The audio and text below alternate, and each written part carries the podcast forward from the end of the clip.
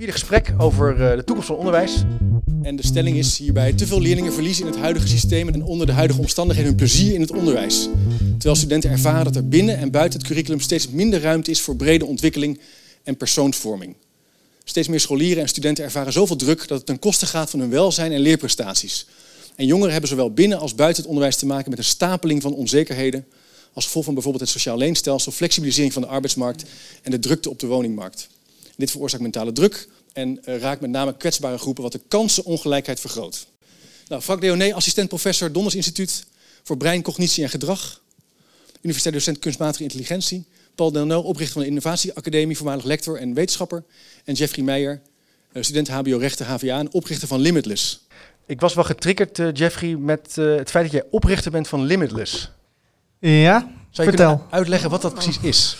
Uh, kijk, um, Limitless HVA is een uh, platform voor functiebeperkte studenten. Om mensen een stem te geven, om de doelgroep kennis uit te laten wisselen. En toch ervoor te zorgen dat ook de functiebeperkte student mee kan in ons hoger onderwijs. En dan specifiek op de HVA. Kijk, is dat nodig om daar een organisatie voor op te richten? Lukt dat nog niet goed genoeg?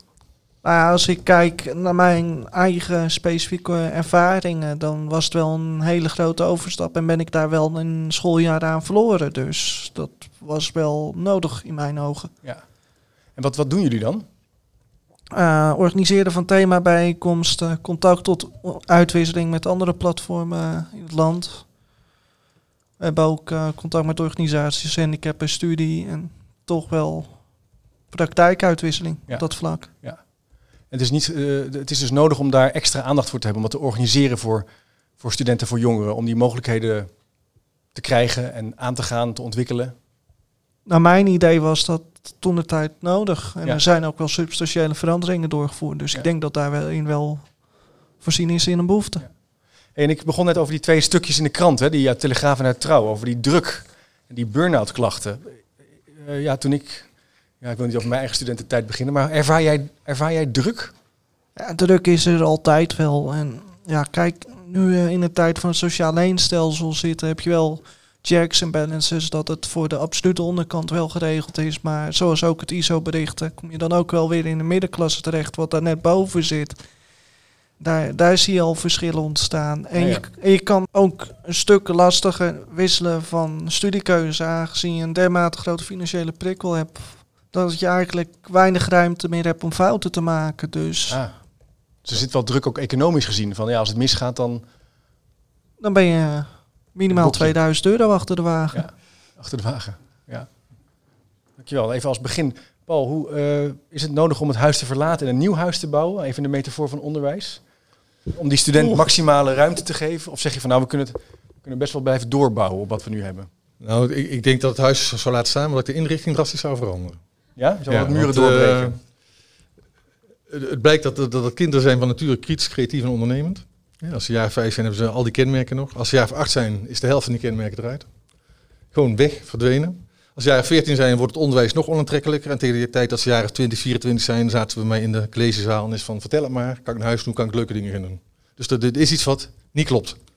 En op het moment in de experimenten die wij doen, we zijn nu bezig met acht scholen zijn we bezig. Drie in de experimentele groepen en, sorry, vijf in de experimentele groep, drie in de controlegroep. En wij hebben te- tegen de leerkracht gezegd, we gaan samen lessen ontwikkelen je probeert om zoveel mogelijk dat kritisch creatief denken weer te stimuleren. Niet bij alles, want dat gaat niet. En die kinderen volgen we nu vijf jaar en we zien dat de klassen waar dat gebeurt, dat de motivatie toeneemt, dat de prestaties met rekenen en taal toenemen en, ja, en dat iedereen daar erg blij mee is. Alleen wat je ook ziet is dat een heleboel leerkrachten dit gewoon niet kunnen. Dat, het is een meer coachende benadering die, je- die je nodig hebt dan puur lesgeven en dingen uitleggen. En, dus, en als je op die manier de inrichting verandert, blijkt het in de experimenten die wij doen echt erg effectief te zijn. En of je dat nou doet binnen het HBO of binnen PO, overal waar we de experimenten gedaan hebben, blijkt dat te werken. Dus we hebben, het in, on- we hebben het in ons om creatief en ondernemend te zijn. En we raken dat een beetje kwijt, eh, Mhm. Klopt ja, dat? Denk je, vind je dat ook? Ja, dat geloof ik direct. In ieder geval, Ja? mijn, dochter van anderhalf is echt super creatief en ondernemend. Ja? En die wil niks anders dan leren. En ja, ook voor mij als ouder en ook voor mij als docent met mijn studenten is het de taak om dat vast te houden. Ja. Eh, maar over het algemeen gaat het alleen maar omlaag. En dat inderdaad alle studies zien. Maar som- sommige, sommige kennis zijn ook cultuurgebonden kennis. Hè? Schrijven bijvoorbeeld of rekenen. Daarvan zeggen we ook van ja, dat, om in die cultuur toegang te krijgen tot de cultuur, moet je schrijven, rekenen. Als je wil, wiskunde wil gaan studeren, een algoritme. Dus dan moet je toch een beetje kennis overdragen. Ja, tuurlijk. Maar het een sluit het ander ook echt niet uit. Ah, oké. Eh, dat hoeft maar niet je- een tegenstelling te zijn. Nee, precies. Maar je moet in ieder geval zorgen dat er voor de leerling of voor de student een reden is om het te leren, een hogere meaning, dat je het ook echt wil. En uiteindelijk wil je er vanaf dat alles maar is om jezelf te bewijzen. Eh, zoals ik het wel, eens zeg, ik heb het van iemand gestolen, maar ik weet niet van wie. Eh, what if education was about improving yourself rather than proving yourself? Ah. En dat zit nu super diep, diep in onze maatschappij. Ja. Dat is, voor onze leerlingen en voor onze studenten. Maar dat is ook voor mij als onderzoeker en staflid heel veel wat van mij verwacht dat ik me bewijs. In aantal papers, eh, in, eh, in aantal grants, in, in, mijn, in mijn resultaten voor mijn vakken, of evaluatieresultaten. En altijd zijn allemaal check, checkbox systemen om mij te controleren. Ja. In plaats van mij de ruimte te geven om mij te verbeteren. En, dat, en dat zorgt dat we wegkomen van die motivatie? Ja, dan Van die diepere lig- meaning, zei je net even? ja, van, van, van, Betekenisgeving? ja, in principe wat je dan heel, ga- heel erg doet, is geen nadruk meer leggen op een hogere betekenis, maar nadruk leggen op checkboxes die je moet halen.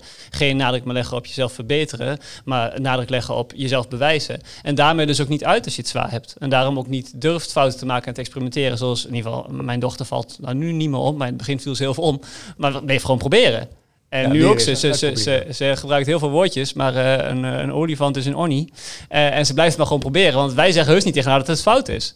Maar als zij 10 of 20 jaar ouder is, dan gaat er voor al die dingen gaat gewoon zeggen, eh, fout. En met een minder vriendelijk geluidje dan wat... eh, ja, precies. Dit is, nog een leuke, dit is nog een leuke bel. Maar precies, ja. Jeffrey, is, klopt dat? Dat wij dus langzamerhand in ons schoolsysteem die nieuwsgierigheid en die passie als het ware wegorganiseren? Ja, dat vind ik persoonlijk lastig om te zeggen, omdat ik nog niet zodanig ingelezen ben dat ik al die onderzoeken in mijn hoofd heb. Nee, maar wat, wat vind je er zelf van? Hoe heb je het zelf meegemaakt? Ja, ik heb natuurlijk wel vanuit mijn rol uit speciaal onderwijs vandaan een andere ontwikkeling doorgemaakt. En ik weet niet of dat zo verder representatief is Nee. voor eh, alle studenten in eh, Nederland. Dus Ben je wel voorzichtig mee? Je hoeft ook niet iets representatiefs te zeggen. We kunnen ja, een soort verkenning even doen. ja. Maar ik ben, ik ben wel benieuwd hoe jij dat hebt meegemaakt. Ja, kijk, het, is, het, is, het, het is natuurlijk wel een behoorlijk glijdende schaal. En wat natuurlijk ook al aangegeven is, je zit wel met, met verschillende belangen. En dan komt er ook weer iets als een eh, vorming en een leenstelsel om de hoek kijken. En dan denk je ook wel eens bij jezelf van ja, waar, waarvoor doen we het nu eigenlijk? Proberen we dan in een mal te gieten en dat succesvol onderwijs te laten worden? Of Ja. proberen we nou mensen zo breed mogelijk op te leiden en eh, succesvol in de maatschappij te laten zijn. Paul, jij zei eh, net even, die leer- leerkrachten en docenten vinden dat ook moeilijk. Dus we Ja. hebben, eh, ja, het is altijd even makkelijk om iemand de schuld te geven, dat is niet mijn bedoeling. Maar van, is, het, is het voor leerkrachten en docenten moeilijk om dat proces te begeleiden in dat systeem van zo'n school? Nou, ik- denk als we iemand de schuld moeten geven, dus aanhalingstekens, dat het onze cultuur is van de waarheid, van de wetenschap. Wat de wetenschap heel sterk doet de afgelopen honderd jaar is bepalen wat goed is voor de samenleving. Ik heb zelf eh, als lector gezeten op een PABO en dan krijgen mensen les hoe ze rekenen moeten geven, hoe ze taal moeten geven. Dat is één manier. Voor elke vraag heb je één methode Eén en één antwoord. Nou, en als je dat nou maar ook doorbrengt bij kinderen op de basisschool, dan is op elke vraag één goed antwoord. En als je het anders doet, heb je een probleem. Het mag gewoon niet anders. En met die benadering, hè, dat heet dan de cultuur van de waarheid, druk je eigenlijk het creatieve denken uit het kind weg. En uit de mensen weg. Want als er op elke vraag maar één goed antwoord is, is onderwijs echt niet leuk. Ja, op 2 plus 2 is er ook maar één antwoord. Ja, maar sommige dingen moet je gewoon uit je hoofd leren. Hè, en dan, Ja, ja. Oké, dus, dus je moet gewoon soorten doen. vragen. Maar je kunt wel proberen dingen af te wisselen in de, in de lessen waar op zaken waar ook op geen eenduidig antwoord is. Oké, En hoe meer je ter discussie stelt, hoe meer dat creatieve en dat ontdekkende vermogen van dat kind wordt gestimuleerd. En met meer plezier gaat hij naar school toe. En als ik kijk naar de experimenten die wij doen, hè, dan, dan zie je, ook al doe je dat maar één of twee middagen in de week, dan zie je de motivatie al gigantisch stijgen van kinderen om weer naar school te gaan. En dat is natuurlijk wel een heel positief rendement. Dus je hoeft dat niet heel, heel erg veel te doen. Je hoeft niet alles op te gooien. Je kunt kleine stapjes zetten. Ja. En dan zie je al dat het onderwijs beter wordt. Erop motivatie. reageren volgens mij. Nou ja, dit- ik, eh, ik vind het interessant inderdaad hoe je dat stelt. Dat het komt door die drang naar waarheid. Ik denk dat het heel erg klopt. Maar ja, de grap is natuurlijk dat het heel erg haak staat op wat wij als wetenschappers Ja. willen zijn. Precies. Als wetenschapper wil je graag openlijk twijfelen en aan alle uitspraken die je doet twijfelen. En dat betekent dus ook dat wij als docenten en onderzoekers ehm, ook diezelfde twijfel ten dag moeten brengen. Terwijl we heel vaak als leraar meekrijgen, en ook gedeeltelijk als onderzoeker, eh, je moet daar gewoon wat vertellen wat de waarheid is. Ja. Terwijl je kunt ook nooit die twijfel aan je leerlingen, die nieuwsgierigheid aan je leerlingen meegeven als je zelf die twijfel niet toelaat. En dat is een veel kwetsbaardere manier van in je lessen staan en je docentenrol dan je anders Dan bent. zeggen, En ik weet hoe het zit. Ja, precies. Ja. Ik ga je vertellen Ja. hoe je een jaarrekening moet gaan eh, Ja. sluiten. ja, en dat is dus veel meer dat kwetsbare. En dat is een heel enge rol voor heel veel docenten. En als dat, mag ik een kleine aanvulling Ja, geven? Want, eh, eh, op het moment dat je PABO-studenten dit, dit uitlegt, dan knikken ze allemaal braaf ja. En dan ga je vervolgens zeggen van probeer nou eens in je eigen les om dat toe te gaan passen. En dan zie je dat een groot percentage dat gewoon niet lukt. Nee. Die moeten een standaardmodel hebben en dat kunnen ze uitvoeren. Dat betekent ook dat, dat de selectie van PABO-studenten eigenlijk op een heel andere manier plaats moeten vinden. Want als je mensen hebt die maar op één manier dingen uit kunnen leggen, ja, dan gaat het niet heel, Nee. heel goed in het onderwijs. Hè. Je hebt mensen nodig die meerdere standpunten kunnen uitleggen, die kinderen autonoom laten, keuzes laten maken. En als je dat kunt, dan kun je die kinderen aansluiten bij dat kritisch creatief vermogen en dan zie je dat de motivatie stijgt. Maar dat is wel een voorwaarde dat die Duidelijk. leerkrachten anders wordt opgeleid. Wil je op reageren, Jeffrey? Ja? Ja, nou ja, en dan kan ik me dan weer een krantartikel herinneren van twee, drie jaar terug. Dat er dan bekend wordt gemaakt dat de beoordeling van opstellen dan ook afhangt van de mening of dat aansluit op de docent. En dat is ook nog een potentiële valkuil, lijkt mij. Oh ja. Daar ben ik toen, daar is toen mij rechtvaardigheidsgevoel aardig van over de zijk gegaan. Omdat je dan wel naar een bepaalde mal gaat. Ja. Ja, dat klopt. Moet een beetje passen bij wat die, Ja. eh, dat docent ook eh, vindt. Ja, nou ja, en dat je daar dus juist voor moet waken. Dat Ja. is eh, in mijn idee Ja. dan. Maar Er zijn natuurlijk wel plekken in het mbo-onderwijs bijvoorbeeld waar je met keuzedelen kunt werken. Waar je wel degelijk ziet dat dat ontzettend goed werkt. Hè? Dat je kunt kiezen in je niveau 3, niveau 4 om dan zeg ik doe elektro elektrotechniek en ik ga nu zonnepanelen. Eh, dus dat zijn wel plekken. Je ziet vaak waar het moeilijk wordt, is dat die scholen heel veel moeite hebben om het te organiseren. Dus we willen dat toch weer structureren. Dan moet er weer een examencommissie. Past het weer niet in het examencommissie? Mag het weer wel? Of ze bedenken gewoon nieuwe regels. En voor je het weet organiseer je het helemaal plat. Ja, ook omdat je het eh, met z'n allen heel graag willen controleren. Ja, Eh, we gaan ervan uit dat, voor een heel groot deel gaan we er vaak vanuit dat leerlingen of studenten niet willen. ja, Terwijl in de meeste gevallen een groot deel best wel wil, of ze willen niet door onze verwachtingen dat ze niet willen. ja. Terwijl een, het, het meer staven en, en stoelen op, eh, op vertrouwen eh, zal mogelijk al een heel groot eh, verschil maken. En dat betekent dus ook vertrouwen in je leraren eh, die, die voor de klas staan. ja dus het moet van twee Ja, kanten komen. Zij moeten ook die autonomie hebben. Vertrouwen. Ja. Ja. Vrouwelijk gezegd. Het kan niet van één kant komen. Toch? Nee, Van de student naar de, naar de leerkracht, van de leerkracht naar de student. Ja. Oké, ik kijk even naar links. We zijn nu in 10 minuten, 12 minuten bezig volgens mij. Ik ga even kijken of iemand is die zegt, nou, dit, er moet me iets van het hart, want dat kan. Ja, meneer. Jos van Oudijk, MBO Amersfoort. Eh, het, ik vind het heel geweldig wat daar allemaal gezegd wordt eh, door die meneer.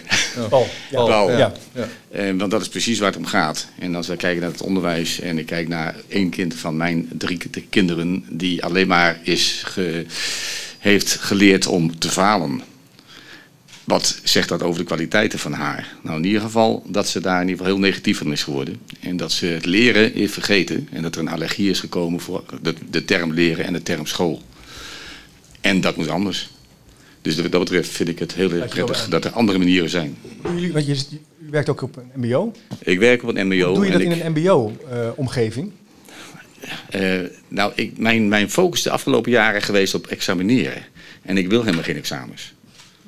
Het onderwijs moet anders. ja. En dat is een van de dingetjes. En dat Maar soms wil je toch weten als iemand eh, een medische handeling gaat uitvoeren of een auto gaat repareren, het gaat over dat hij dat wel een beetje doet volgens gaat- bepaalde ja, maar het gaat- procedures. Het gaat over verantwoorden van wat je doet. En dan gaat, het, dan gaat het vooral over hoe ga je dat dan Laten zien dat je het kunt. laten zien dat je dat kan. In alle vormen. En dat gebeurt natuurlijk her en der in het mbo sowieso al. Ja. Maar dat kan nog veel meer. Ja. Maar goed, Kunnen we nog best wel wat daar kunnen we heel lang over praten. Dan ga ik eh, op een stokpaardje zitten. Nee, maar in- interessant, het draait ook de manier van hoe we kijken naar examineren. We kijken naar beoordelen. Ja, en dat is het heel te bewijzen. Dat is, eh, voor een heel groot deel is dat eh, bewijzen vanuit een soort van wantrouwen. Oké, je moet nu laten zien dat je het kan en dan ben je klaar. En dat is ook het moment dat studenten daarna zo snel mogelijk weer vergeten. Want Ja. ja, ze hebben zichzelf bewezen dat ze zijn klaar. Ja. In plaats van dat continu eh, ontwikkelen. Ja. En dat is natuurlijk ook het, het stuk staat ook vol met verwijzing naar levenslang leren. En dan moet je dus niet leren naar een toetsmoment en het dan vergeten. Dat is geen levenslang leren. Heb ik mijn hele studietijd gedaan. Kan heel goed. Kan heel, heel veel leren, heel veel, Ja. punten, of heel veel punten halen. En vervolgens weet je niks. Moment, ik, ik sprak laatst Jan Bransen, een filosoof, die zei, ja, ik, ik heb filosofiestudenten in mijn klas en die, die gaan van examen naar examen. Ja. Dus, Ja. Maar ja, er waren zelfs filosofiestudenten, dat leek me dan heel radicaal. Ja, maar dat gebeurt dus wel. Ja, maar het is ook zelfs, ik betrap zelfs mezelf en ook mijn collega's erop dat wij nadruk gaan leggen op alleen die toetsen en de punten. Ja, Kijk, het hele systeem maakt ook ons als docenten lui. ja. Dat je nadruk gaat leggen op dat je toetsen moet halen. In plaats van dat je nadruk gaat leggen op hoe cool het wel niet is. En de Ja. hogere betekenis en waarom je het doet. En het, het onderdeel in het grote geheel. Ja. Eh, Moeten we dan, ja, ik, ik heb toch altijd moeite met het helemaal afschaffen. Toch even moeten we af van toetsen. Jeffrey? Ik denk dat we wel moeten kijken naar een manier dat we wel kunnen verantwoorden waar we mee bezig zijn, maar dat middeltoetsing niet heilig is. Nee, dus minder toetsen. Summatief is dat volgens mij. Ik had altijd waar formatief, summatief toetsen. Dus meer refle- reflecteren op je leerproces dan dat je een 7 of een 8 krijgt. Ja. Maar ja, er zijn heel veel scholen, dat weet ik ook voor mijn kinderen. Als je naar een bepaalde school wil, dan wordt er wel, ze zeggen wel van niet, maar daar wordt wel degelijk ook naar het CITO gekeken bijvoorbeeld. Ja. En als je een tweede master wil doen, of je wil van je MBO door naar je HBO, dan reken maar dat er naar wordt gekeken. Ja, maar d- dat maakt dit stuk denk ik ook zo, zo sterk. Kijk, er staat heel veel holle taal in, maar het feit dat alle niveaus meedoen. Oh, oh, oh. Maar dat, dat alle, dat, het feit dat alle niveaus meedoen, maakt het heel sterk. Ja, dat is heel sterk. Want ik heb het zelf wel eens gehoord van een eh, directeur van een, van een, nee, een middelbare school, basisschool, weet ik niet, van een school. En die hadden voor een jaar lang alle cijfers afgeschaft. Voor, voor één van de jaren. Ja. Ze zijn vooral teruggefloten door de ouders. En dat was, ik weet niet, 20% of zo van de ouders vonden het niks. Ja. Waarom? Omdat natuurlijk hun kinderen wel die cijfers nodig hadden om straks geneeskunde Ja. te kunnen. En de ouders waren ook wel heel graag weten dat hun kinderen wel echt excellent waren. En zonder de cijfers konden ze dat niet. Het zonnetje, het maantje. Ja, precies. Ja. Dus je moet uiteindelijk een soort van systeemverandering hebben. En daarom heb je al die partijen bij elkaar nodig. Ja. Maar het is toch heel simpel. We hebben 150 jaar, als niet langer, hebben we dit systeem gehad. Iedereen is gewend om om te gaan met cijfers. Waar hebben we het over? Dat is, dat is ons systeem waar we in zitten. Ja. Dus dat is de enige manier waarop we kunnen meten, denken we, hoe het zit. Ja, dus eh, zo'n... eh, Ja, ik ga nog even kijken. Ik zie nog iemand, ja, Pieter, die... Ja, kan hem doorgeven. Ja, goeiedag. Mijn naam is eh, Pieter Duisenberg. Ik ben een van de mede-auteurs van dit eh, stuk. Namens Sorry. de, de VSNU. Nee, ja. ja, toen dacht ik, nu wordt het mij te gortig. Ja, er zijn een aantal dingen waar, waar dat ik denk van, nou, nu wil ik toch wat, eh, daar, wat, wat aan, eh, een paar dingen aan toevoegen, een paar eh, reflecties en dan een vraag. Mijn eerste reflectie is wel dat ik wil toch altijd dat ik heb toch wel vaak het gevoel bij dit, soort, bij dit soort gesprekken, als wij met elkaar spreken, dat we dan onszelf helemaal naar beneden trekken. Dus ik wil ook graag even namens mijn kinderen zeggen. Dat ik heb er eentje die doet, eh, eh, die doet eh, twee studies. Vindt het geweldig om de, om de vleugels uit te slaan. Ik heb er eentje die heeft zich net ingeschreven voor een, een driejarige HBO-opleiding die dan voor VWO-studenten is. Dus dat is een van die grote verworvenheden, vind ik, van de, de laatste paar jaar. Dat die mogelijkheid, dat, we die, dat, we, dat die gecreëerd is. En ik heb er eentje die een studie wil gaan doen en dan kijkt naar de minoren die die ook kan doen omdat hij daarmee heel specifiek ook dingen waar hij passie voor heeft, dat is dan eh, sociale geografie, dat hij dat daarmee ook eh, die, die passie kan nastreven. Dat waren in ieder geval allemaal dingen die, die keuzes had ik allemaal niet. Nee, ze kan ook heel veel. En dan willen ze ook nog naar het buitenland en eh, alles erop en eraan. En, Ja. Dus dat, er kan heel veel en dat, hebben, dat is allemaal bereikt, ook in een tijd. Dat is ook even een denk, groot compliment voor ons onderwijs. Dat het aantal eh, studenten wat naar, in ieder geval naar, naar het HBO en naar het WO gaat, dat, dat, dat is explosief gestegen in de afgelopen decennia. En in die tijd hebben we, is het ook nog gelukt om de kwaliteit zo hoog te houden dat, eh, nou, dat in ieder geval dat, dat, dat op dit moment nog, het barst uit zijn voegen. En daarom vind ik dat er iets moet veranderen. Maar dat die kwaliteit eigenlijk nog wel heel erg hoog is op Ja. dit moment. Ja. Op dit moment. Maar het is een kikker die heel langzaamaan, waar het water van warm wordt gemaakt en die, eh, die moet nu gaan springen. Goed, maar dat is even. Ik wil ook even zeggen dat er heel veel positieve dingen eh, gebeuren. Dan wil ik nog één ding reflecteren. Is, er wordt nergens gezegd in het stuk dat we cijfers gaan afschaffen. Wat wel wordt gezegd, is dat, dat er wordt. eh, kijk even hier naar de tekst. We hebben gezegd hier dat we veel fijnmaziger willen differentiëren. En daar, daar zit meteen ook de uitdaging. Wat, eh, dan ben ik weer uw naam Paul, kwijt. Paul. Paul, wat Paul ook zei aan het begin. Want, want jij hebt dat gezien hoe dat. eh, waar de, de- bij, bij experimenten waar je dat hebt gedaan in alle onderwijsniveaus, dat het kan, dat differentiëren. En dat daar ambitie van terugkomt en motivatie van terugkomt. Maar er zit meteen de uitdaging eh, van hoe je dat dan doet. Want dat is denk ik. De, dus, als, Ja, dus- dus, dus als we dit willen, dat is, dan kom ik op mijn vraag. Ja.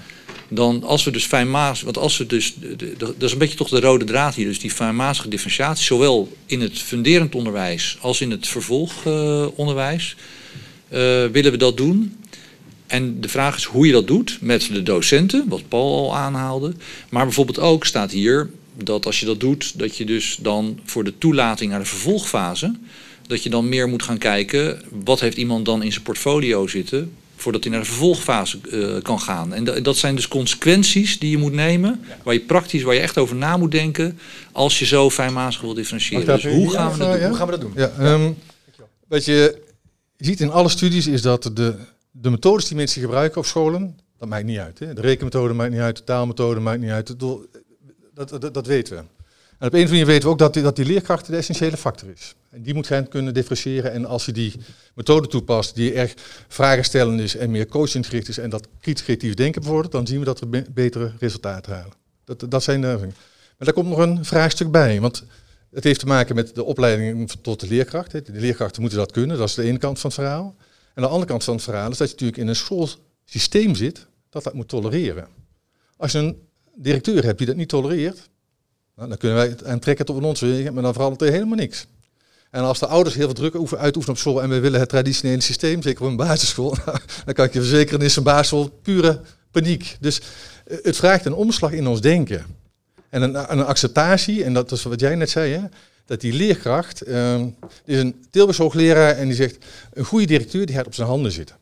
Die doet helemaal niks. Die zorgt alleen dat de randvoorwaarden goed zijn. En op het moment dat we dan die leerkrachten bij elkaar zitten en zeggen, wat zou jij dan kunnen bedenken voor Pietje of Klaasje, want daar lopen jullie elke dag tegenaan. En ze gaan dat doen, dan gaan ze fijnmaziger denken. En dan zie je dat dat niveau en die motivatie omhoog gaat. Dat betekent dus een hele andere manier van scholen aansturen. In de literatuur zijn vier vijf factoren genoemd. Als je daaraan werkt, dan gaan die leerkrachten veel meer ondernemen door te werk. En dat is wat wij ook proberen. In eerste Dus jij kijkt ernaar vanuit een ondernemend perspectief om op die manier Ja, ook- die ruimte te maken voor die leerkracht. Die, die leerkracht die is nu heel sterk opgeleid vanuit de wetenschap. Rekenen geven, doe je zo. Taal geven, doe je zo. Marketingplan maken, doe je d- dat zijn de, de boodschap. En ja, als dat de manier is, dan zie je dus dat, dat alle kennis uit die kinderen, studenten weggaat. Want ze mogen niet meer nadenken. En wat je probeert is dat nadenken en dat kritisch vermogen weer terug te brengen. En dat probeer je ook bij de leerkrachten te doen. Wat zou ik anders kunnen doen in mijn lessen om dat kind vooruit te helpen? En op het moment dat je dat doet, zie je dat er vooruitgang komt. En dat hoeft maar een half uurtje per dag. Dus dat, Ik wil even kijken naar mijn dit is een heel andere manier om, om Ja, met elkaar Een andere manier gaan. van kijken is ook een organisatievraagstuk. Het is een zelflerende organisatie. Ja. Om gedifferentieerd en fijnmaziger te kunnen worden. Het lijkt een beetje gepersonaliseerd leren, hè, dat je je eigen leerroute kan volgen. Nee, ik, ik denk, Kijk je daarnaar? Ik, ik haal hier eh, heel vaak inspiratie uit, eh, uit de onverwachte hoek, uit de game design. Daar heb je een, eh, een soort van kernterm en dat is eh, indirect control. Dus dat je iets niet direct controleert, maar dat je de omstandigheden creëert waardoor iemand uit zichzelf dingen gaat doen. Uit zichzelf een level gaat verkennen of uit zichzelf een spel uit gaat spelen. En dat zit heel erg in het ontwerp van de hele ervaring. En dat geldt voor docenten, geef ze de goede randvoorwaarden, maar dat geldt ook voor leerlingen. Uiteindelijk wil je een, een, een systeem creëren wat hun stimuleert om, om in actie te komen. Dat betekent die betekenis. Dat betekent eh, duidelijke constraints. Dat zou die leeromgeving kunnen zijn. Ja, precies, de, ja. En- aantrekkelijke ja, leeromgeving. precies. In plaats van het, dat de, de voornaamste eh, controle gebaseerd is op directe controle, op moeten. En dat zit heel erg in die cijfers. Ja. En dan kun je waarschijnlijk het aantal cijfers wel echt wel verlagen. En mogelijk een ander cijfersysteem wat veel motiverender is dan het huidige cijfersysteem, want dat is echt een draak. Ehm, maar dan, dan bouw je een systeem wat motiverend is en mensen laat leren. In plaats van dat je controleert en vanuit gaat dat mensen niet willen. Wat nu vaak de consequentie is. En daar nog een heel kleine aanvulling op. Er is een eh, documentaire, volgens mij Most Likely to Succeed. Aanraden voor iedereen. Ja, echt een aanrader. ja. Tof. Eh, en daar is het, dat gaat over een school in Amerika waar de toetsingsvorm is. Alle vakken worden gegeven door meerdere docenten tegelijk en meerdere vakgebieden samen. En de toetsingsvorm is volgens mij één keer in het kwartaal. Presenteer je aan al je ouders, vriendjes en vriendinnetjes wat je, dat, wat je hebt gemaakt het afgelopen kwartaal. Dan is het de drive om wat te doen, is sociaal. Wat een veel sterkere drive is dan... Indirect control. Ja, het is heel, heel indirect. Terwijl het, is, eh, eh, terwijl het wel een heel innerlijke drive is om daadwerkelijk iets moois te laten zien voor je ouders of voor je vriendjes en vriendinnetjes. In plaats van het cijfer wat je elke keer zo lelijk aanstaat. Duidelijk. Ja. Laten we hiermee eindigen. Oh, m- most, most likely to succeed. We zullen hem ook even op de website zetten. Dan kun je nog even een linkje vinden. Zullen we eens even kijken, Ivar, naar een aantal stellingen. We hebben even een verkenning gedaan. We komen op het fijnmazige perspectief van leren. Het indirect controleren, de leeromgeving. Eh, ik zie hier ook wat leerlingen of studenten vooraan zitten. Daar kunnen we misschien zo eens even bij kijken of dat, zijn, of dat een beetje kansrijk is. Geen cijfers meer. Ik ben eh Juliaan en ik eh, zit op school, bijzonder genoeg. Eh, ik denk dat het mogelijk is om eh, geen cijfers meer te geven. Ik denk alleen wel dat als je geen cijfers meer geeft, dat er ergens een drive vandaan moet komen. Eh, wat, waardoor ik denk dat eh, je wel nodig hebt dat er cijfers worden gegeven. Maar dat er wel veel minder cijfers mogelijk is en ook wel beter kan zijn. Dankjewel. Dus jij zegt van eh, minder cijfers. Het moet wel iets zijn van een vorm van toetsing of een soort moment van de waarheid, maar we en anders kijken. Ik ga nog even naar je buurvrouw. Ehm, hoi, ik ben Stefanie. En ehm, ik denk niet dat het een goed idee is om alle cijfers weg te halen. Want ik, ik neem dan aan dat een deel van de leerlingen dan motivatie verliest. Want veel mensen die doen, zeg maar, die doen heel erg hun best om te laten zien dat ze dingen kunnen. Maar ehm, als je een deel van de cijfers weg zou halen, dan denk ik dat het ook wel eh, positiviteit zal brengen. Maar ja, een beetje te veel, dan raak je, krijg je weer motivatieproblemen. Want daar, waar doe je het dan voor? Dus blijkbaar is het ook wel belangrijk om ergens naartoe te werken. Het helpt ook wel weer. Voor veel mensen wel, ja. Voor jou niet? Dat kan ik niet helemaal zo. Geen mening, nee. Nou, dankjewel. Ehm zullen we naar de eerste stelling gaan, Ivar? Wat uitgebreider te reageren. De eerste stelling is: het hoger onderwijs is te veel gericht op de nominale student, de gemiddelde, de gemiddelde student, en biedt te weinig ruimte voor uitzonderingen. Dus het hoger onderwijs is te veel gericht op de nominale student en biedt te weinig ruimte voor uitzonderingen. Wie zegt, daar ben ik het mee eens, heel erg mee eens, zeg maar, even als eerste. Eén iemand. Kijk, oh, dat had ik al niet. Twee, drie. Oké, wie zit een beetje in het midden? Wie zegt nou, ik heb hier niet direct een mening over. Kom si, kom sa. Oké, dat is ongeveer een kleine derde. Wie zegt, ik ben het hier niet mee eens? Er is wel degelijk ruimte voor uitzonderingen. Oké, zie ik zeg maar zeven mensen met een uitzondering. Ik loop even naar u toe. Misschien kunt u ook even zeggen wie u bent. Ik ben eh Ron Weerheim van de Hogeschool Rotterdam. Eh, de uitzondering die ik daarbij zou willen maken is dat we heel veel aandacht nog steeds besteden aan studenten die het moeilijk hebben op in het onderwijs. Eh, de overstap heel moeilijk vinden van het VO naar het HBO, waar ik zelf werkzaam ben. Maar dat er nog eigenlijk te weinig aandacht is voor de studenten die het beter kunnen dan gemiddeld. Die daar veel meer de ruimte zouden willen hebben of die veel meer in multidisciplinaire projecten of samenwerkingen met het bedrijfsleven aan de slag zouden willen. Daar zijn we nog heel moeilijk in om dat goed in ons onderwijs onder te brengen. Dankjewel. Dus de, de student die meer wil en meer kan, hoe ga je daarmee om? Nou ja, ik, ik weet dat het bij ons eh, alleen maar moeilijker is geworden hoe groter onze, opleiding is geworden. Eh, kunstmatige intelligentie is nu heel hip en happening. We waren heel klein toen ik studeerde. En nu zijn uitzonderingen super moeilijk. Echt heel moeilijk. En er zit nog een groot onderscheid tussen uitzonderingen qua extra vakken volgen. Dat gaat nog steeds wel redelijk. Eh, maar vooral binnen vakken uitzonderingen hebben, wordt steeds moeilijker. Want ja, die, de, de regeltjes zijn nou eenmaal zo. En de regeltjes beschermen ons als staf tegen onze werkdruk. Eh, dus dan is er opeens heel weinig eh, mogelijk voor uitzonderingen. En ook voor de, de, de extra gemotiveerde student. Eh, bachelorprojecten die studenten zelf geregeld hebben, worden steeds moeilijker. Want we moeten toch allemaal wel in hetzelfde keurslijf. Ja, hetzelfde format. Ja, Oké, dankjewel. Ik, ga even, ik loop even aan deze. Wie wil hier nog op reageren op deze stelling? Wie heeft er nog een reflectie op of een. Ja, Oh ja. En ik vind zelf dat het op heel veel scholen wel de mogelijkheid wordt gecreëerd extra dingen te doen. En dan vaak wel buiten les. Maar omdat het drive meestal fout is waarom het gecreëerd is, dat eh, binnen het extra vak of extra ding zelf het niet werkt omdat het gewoon niet goed georganiseerd is. Omdat de drive fout is. het is niet goed georganiseerd, zeg je. Wat bedoel je daar dan mee? Eh, dat de inhoud eh, niet zeg maar eh, dat er geen te weinig aandacht wordt besteed aan de inhoud, omdat het alleen gaat omdat het er is en niet per se omdat wat er is ook echt goed is. Het is er wel, maar verder stelt het niet zo heel veel voor. Oké. Nou, even kijken. Ik loop even naar achter. Lidwin Bremer, Haagse Hogeschool.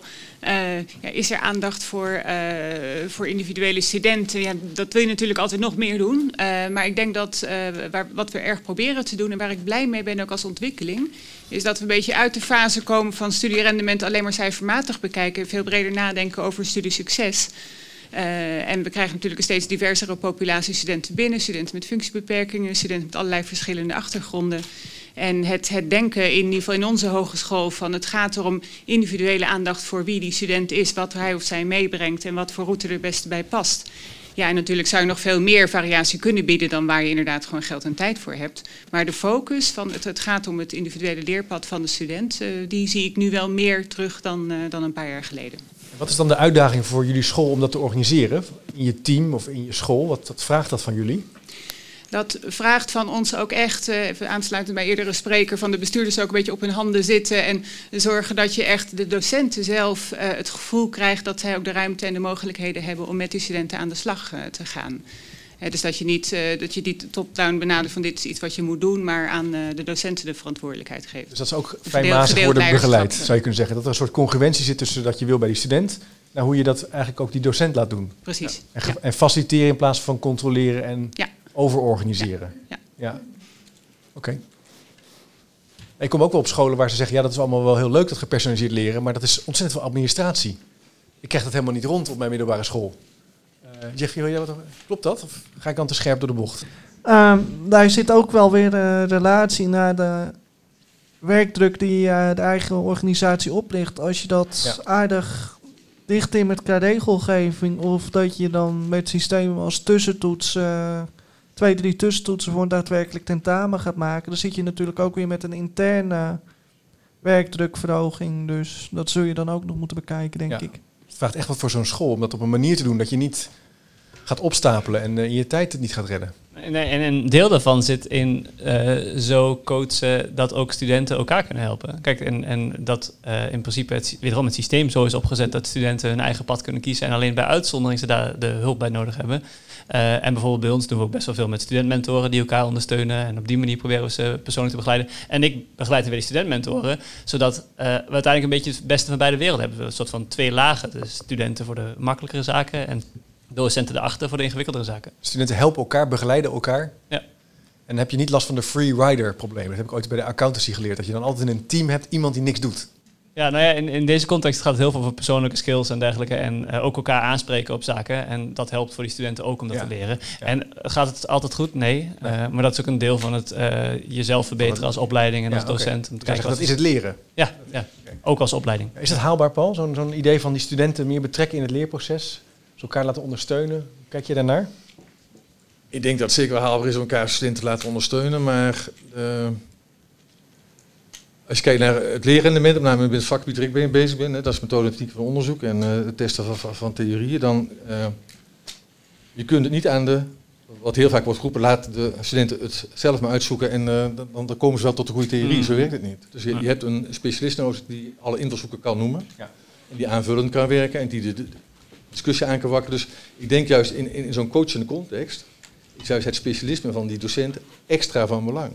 Terwijl in een traditionele context kan hij gewoon zeggen, dit is lesje 1, jij hebt hier je sheetje en, en, en, en, en dan gaat hij voorlezen. Ja. En ik vraag me af of het docentenkorps in Nederland daar aan toe is om, om, om die kennis te hebben. Nou, dat is een vraag, Dat waar vraag ik ook wel een mening in zit. Voor. Nou, Hij is vastgelegd. Jeff, ik zie jou knikken. Jij wil van mij iets toevoegen. Nou ja, ik denk dat dat niet eens per se bij de docenten zelf hoeft te liggen, maar dat je dan voornamelijk moet kijken naar de randvoorwaarden in het geheel. Welke titel, titulatuur dan iemand heeft uh, in dat begeleidende proces. Uh, dat vind ik dan persoonlijk niet eens zo heel boeiend als er dan maar gezorgd wordt dat die voorwaarden aanwezig zijn. Dat je niet dat free riders, uh, wat je noemt, krijgt. Ja. Ja. En dat je dan toch dus weer op zo'n manier krijgt dat iedereen er wat van opsteekt. Want ik denk dat daar ook nog verantwoordelijkheid voor ons studenten ligt. Want sfeer, eh, sfeer is misschien soms wel belangrijker dan de rol van een docent. Duidelijk, ja. Oké. Okay. Ja. Ik zie nog iemand die wat wil toevoegen. Ik denk dat als je um, leerlingen zelf elkaar laat helpen, dat het dan ook druk zal geven. Uh, ja, gewoon druk zal geven op de leerling zelf, aangezien de leerling ook nog moet kijken of het klopt wat hij zegt. Dus er moet één ook nog zijn informatie halen van iemand. Ja. En, um, we krijgen nog meer stress. Ja. ja, we krijgen nog meer stress als we dus ja. nog meer verantwoordelijkheid bij de leerling. Ik loop even naar de overkant. U wilt erop reageren? Ik wil even een vraag stellen. In hoeverre denk je dat artificial intelligence ook een antwoord hierop kan geven? Wow, en dan wil je een kort antwoord op? Oké, okay. parkeer nog even dat punt van wat... Uh, wat okay. u heeft gezegd. En dan, ja. Okay. Dus kunnen we iets met slimme robots doen? Um, heel kort, ik denk dat je wel heel veel kan doen met, uh, met data mining van gewoon resultaten van studenten. En dus gewoon meer die informatie gebruiken. Um, en daar, op basis daarvan intelligente apps maken en, en onderwijs perso persoonlijker maken. Um, zelf ben ik nog enigszins sceptisch om direct robots in de klas te gooien. Nee, nee, nee, dat was, was, was op hem. Nee, ja. en ik vind, kijk, ik, Waar, waar ik zelf, uh, maar dat is een heel ander topic, waar ik zelf altijd me zorgen over maak in de context van technologie en AI in het onderwijs stoppen, is dat je wederom de ervaring uit het oog verliest. Gewoon alleen maar gaan nadenken, okay, wat is het meest efficiënt en hoe kunnen we met cijfertjes zorgen dat mensen het beste leren. Terwijl dat mogelijk niet uiteindelijk op de lange termijn het beste resultaat geeft. Ik herken dat wel in het basisonderwijs, wat nu veel gebeurt, is dat in, via de snap het rekenonderwijs wordt gegeven. Dus de techniek ja. komt de klas in op de tablet. Thuis probeer ik altijd de tablet zo min mogelijk. Ja. Maar op, school, op sommige scholen wordt volledige instructie aangeboden via de Snapit. Ja. Dan is er wel slimme software, maar het vraagt heel wat van de leerkracht om dat ook uit te lezen en daar ook gericht op de instructie te geven. En je krijgt ook soms een beetje luiheid. Ja. En dan zie je kinderen onderuitgezakt de tafels doen. En daar, daar, wordt, daar zijn de resultaten ook alweer. Dus het is niet een soort heilige... Ja, Nee, helemaal niet. Nee, en sowieso uh, serious Haat games. verhouding. En serious games en zo in het onderwijs uh, inpassen werkt vooral als het goed ingebed is door een goede docent uh, ja. met goede instructie en goede reflectie. Dus die leeromgeving is ja. indirecte controle blijft enorm belangrijk. Ja, en de rol van de docent. Ja. Wilde je nou reageren, Pat, toen ik iets zei? Of? Dat wilde ik wel, maar ik, ik okay, ja. verstandig zijn om mijn mond te houden. Sorry, ja, dat kan altijd nog straks. We hebben nog om tien voor vijf kun je nog reageren. Uh, Ivar, zullen we naar de tweede stelling gaan? Ja. Even kijken. Om studenten, leerlingen beter tot hun recht te laten komen, moeten toetsen worden afgeschaft. Ik kan me best voorstellen dat je nu denkt, wat een rare stelling. Het is niet de bedoeling om deze stem, maar het idee is, we moeten toetsen gewoon afschaffen. Niet meer doen. Wie zegt, nou daar ben ik het ontzettend mee eens. Hoog tijd. Kijk, nou zie je toch zes, zes, zeven mensen die best wel hun vinger omhoog zetten. Pieter zie ik ook.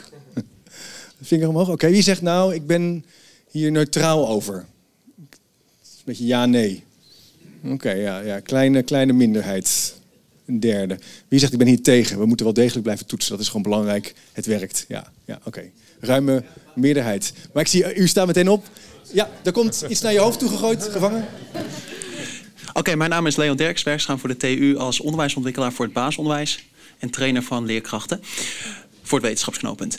En uh, ik denk niet zozeer dat uh, toetsen moeten worden afgezet, maar dat de hele definitie van toetsen en manier van toetsen veranderd moet worden. Want zeg maar, noem het meer een reflectiemoment, want je wil op een moment wil je weten waar je staat en hoe je verder kan komen. En ja, met kennis, je weet je, dat kan getoetst worden. Weet je, daar, met kennis, met feiten is goed of fout. Maar met vaardigheden ja, wil je jezelf verbeteren. Maar je wil wel een moment hebben van dat je denkt van dat je even toetst hoe ver je bent en wat je zou kunnen doen om. Dus ik denk dat niet zozeer het toetsen zelf, maar dat het de, de hele definitie van toetsen en manier van toetsen anders moet. Dankjewel. Pieter, je wilt erop reageren volgens mij. Ja, ik, ik, ik wil mijn stelling ook wel iets nuanceren. Ik denk namelijk niet dat je toetsen kan afschaffen, maar dat je met name de toetscultuur moet afschaffen. En ik denk, je ziet in de samenleving dat we alles uh, willen controleren en in uh, kwalificatie willen duiden. Uh, leraren grijpen snel naar toetsen. Leerlingen leren alleen maar bepaalde stof als er een cijfer aan verbonden is. En dat is, laten we zeggen, een enorme cultuurontwikkeling geweest. dus als je nu zou zeggen, we schaffen toetsen af, nou, dan kom je in een hele rare situatie terecht. Dus denk ik inderdaad dat je langzaam naar moet toewerken dat je die cultuur op een hele andere manier gaat inrichten. En dat kan door veel meer aandacht te geven aan, aan brede vaardigheden, die brede waardering toepassen in het onderwijs. Uh, en dat je in ieder geval wel langzaam moet gaan afstappen van de huidige manier van toetsen. Ik denk dat een goede leer, leerkracht constant toetst. Hè? Dus ook met, even op de basisschool met de, met de, tafels. Hè? Pak even de wasbordjes, schrijf even wisbordjes, schrijf even wat 6 keer 6 is. Dan weet je even hoe de hazen erbij lopen. Dus toetsen is onderdeel van de cyclus van ervaren, conceptualiseren, weer doorgaan. Dus het is niet iets wat je kan afschaffen, maar het is een cultuurvraagstuk. En toen, ik praatte door iemand heen die zijn vinger opstak. Ja, u. Ron Weerheim van de Hogeschool Rotterdam. Ik ben uh, afgelopen november drie dagen in Amerika geweest bij Evergreen State College. Dat is een, een universiteit die al sinds de jaren 70 geen cijfers meer geeft. Maar alleen maar geschreven beoordelingen. Formatief. Alles. Echt tot en met het eindexamen toe. Daar betrekken ze ook de student zelf heel erg bij. Uh, ik vertelde dat op een gegeven moment aan een student bij mij op de hogeschool, dat dat zo werkte. En toen, toen keek ze even in de lucht en toen zei ze, oh, maar dan is er ook helemaal geen competitie meer tussen studenten. Ik zei, nee, dat is ook zo. En dat ervaren ze daar ook op die manier omdat iedereen aan de ene kant voor zichzelf bezig is om zich te ontwikkelen. Daar ook de ruimte en de begeleiding en de coaching voor krijgt. Uh, het curriculum is ook zo dat daar enorm veel keuzeruimte voor is om dat te doen. En tegelijkertijd is er wel iedere keer de dialoog met de docent, zeker de coach, over oké, wat heb je gedaan, hoe heb je daarin ontwikkeld, hoe ga je verder, welke kant wil je op, enzovoort. Dus alsmaar dat coachende benadering van die student. Wie wil daar nog op reageren? Mevrouw achterin. Mijn naam is Judith Hoekstra. Uh, ik, geef, uh, ik begeleid uh, een onderwijsteam door ze te samen te laten werken met, met onderwijs. Sorry. En ik houd me bezig met onderwijsinnovatie en met innovatie in leren vanuit de stichting Spark to Learn. Um, wat, wat ik interessant vond aan deze discussie is de term toetsing. Want ik denk dat dat vaak toch impliceert dat het gaat om het toetsen van kennis. En uh, vanuit het oude systeem letterlijk. En als je kijkt naar hoe jongeren kijken naar kennis, die willen eigenlijk heel vaak gewoon zelf die kennis gaan vergaren. En wij zetten vaak een plafond ergens neer. Dat we zeggen, ja, je moet deze kennis vergaren. Terwijl sommige jongeren willen veel verder en anderen kunnen iets minder ver. En daar merk ik dat dat, dat gesprek zou ook best wel eens gevoerd mogen worden. Dat we kijken, hoe maak je daar de link met dat persoonlijke leren? En dan even terugkomen op die technologie. Die kan daarin zeker een hele mooie rol spelen. En dat hoeft niet alleen maar dan we zeggen dat is dan voor excellente leerlingen of dat is voor leerlingen die weer uh, extra ondersteuning nodig hebben. Die, die hokjes kun je dan eens weghalen en dan kan je het echt op het leren focussen. Dankjewel.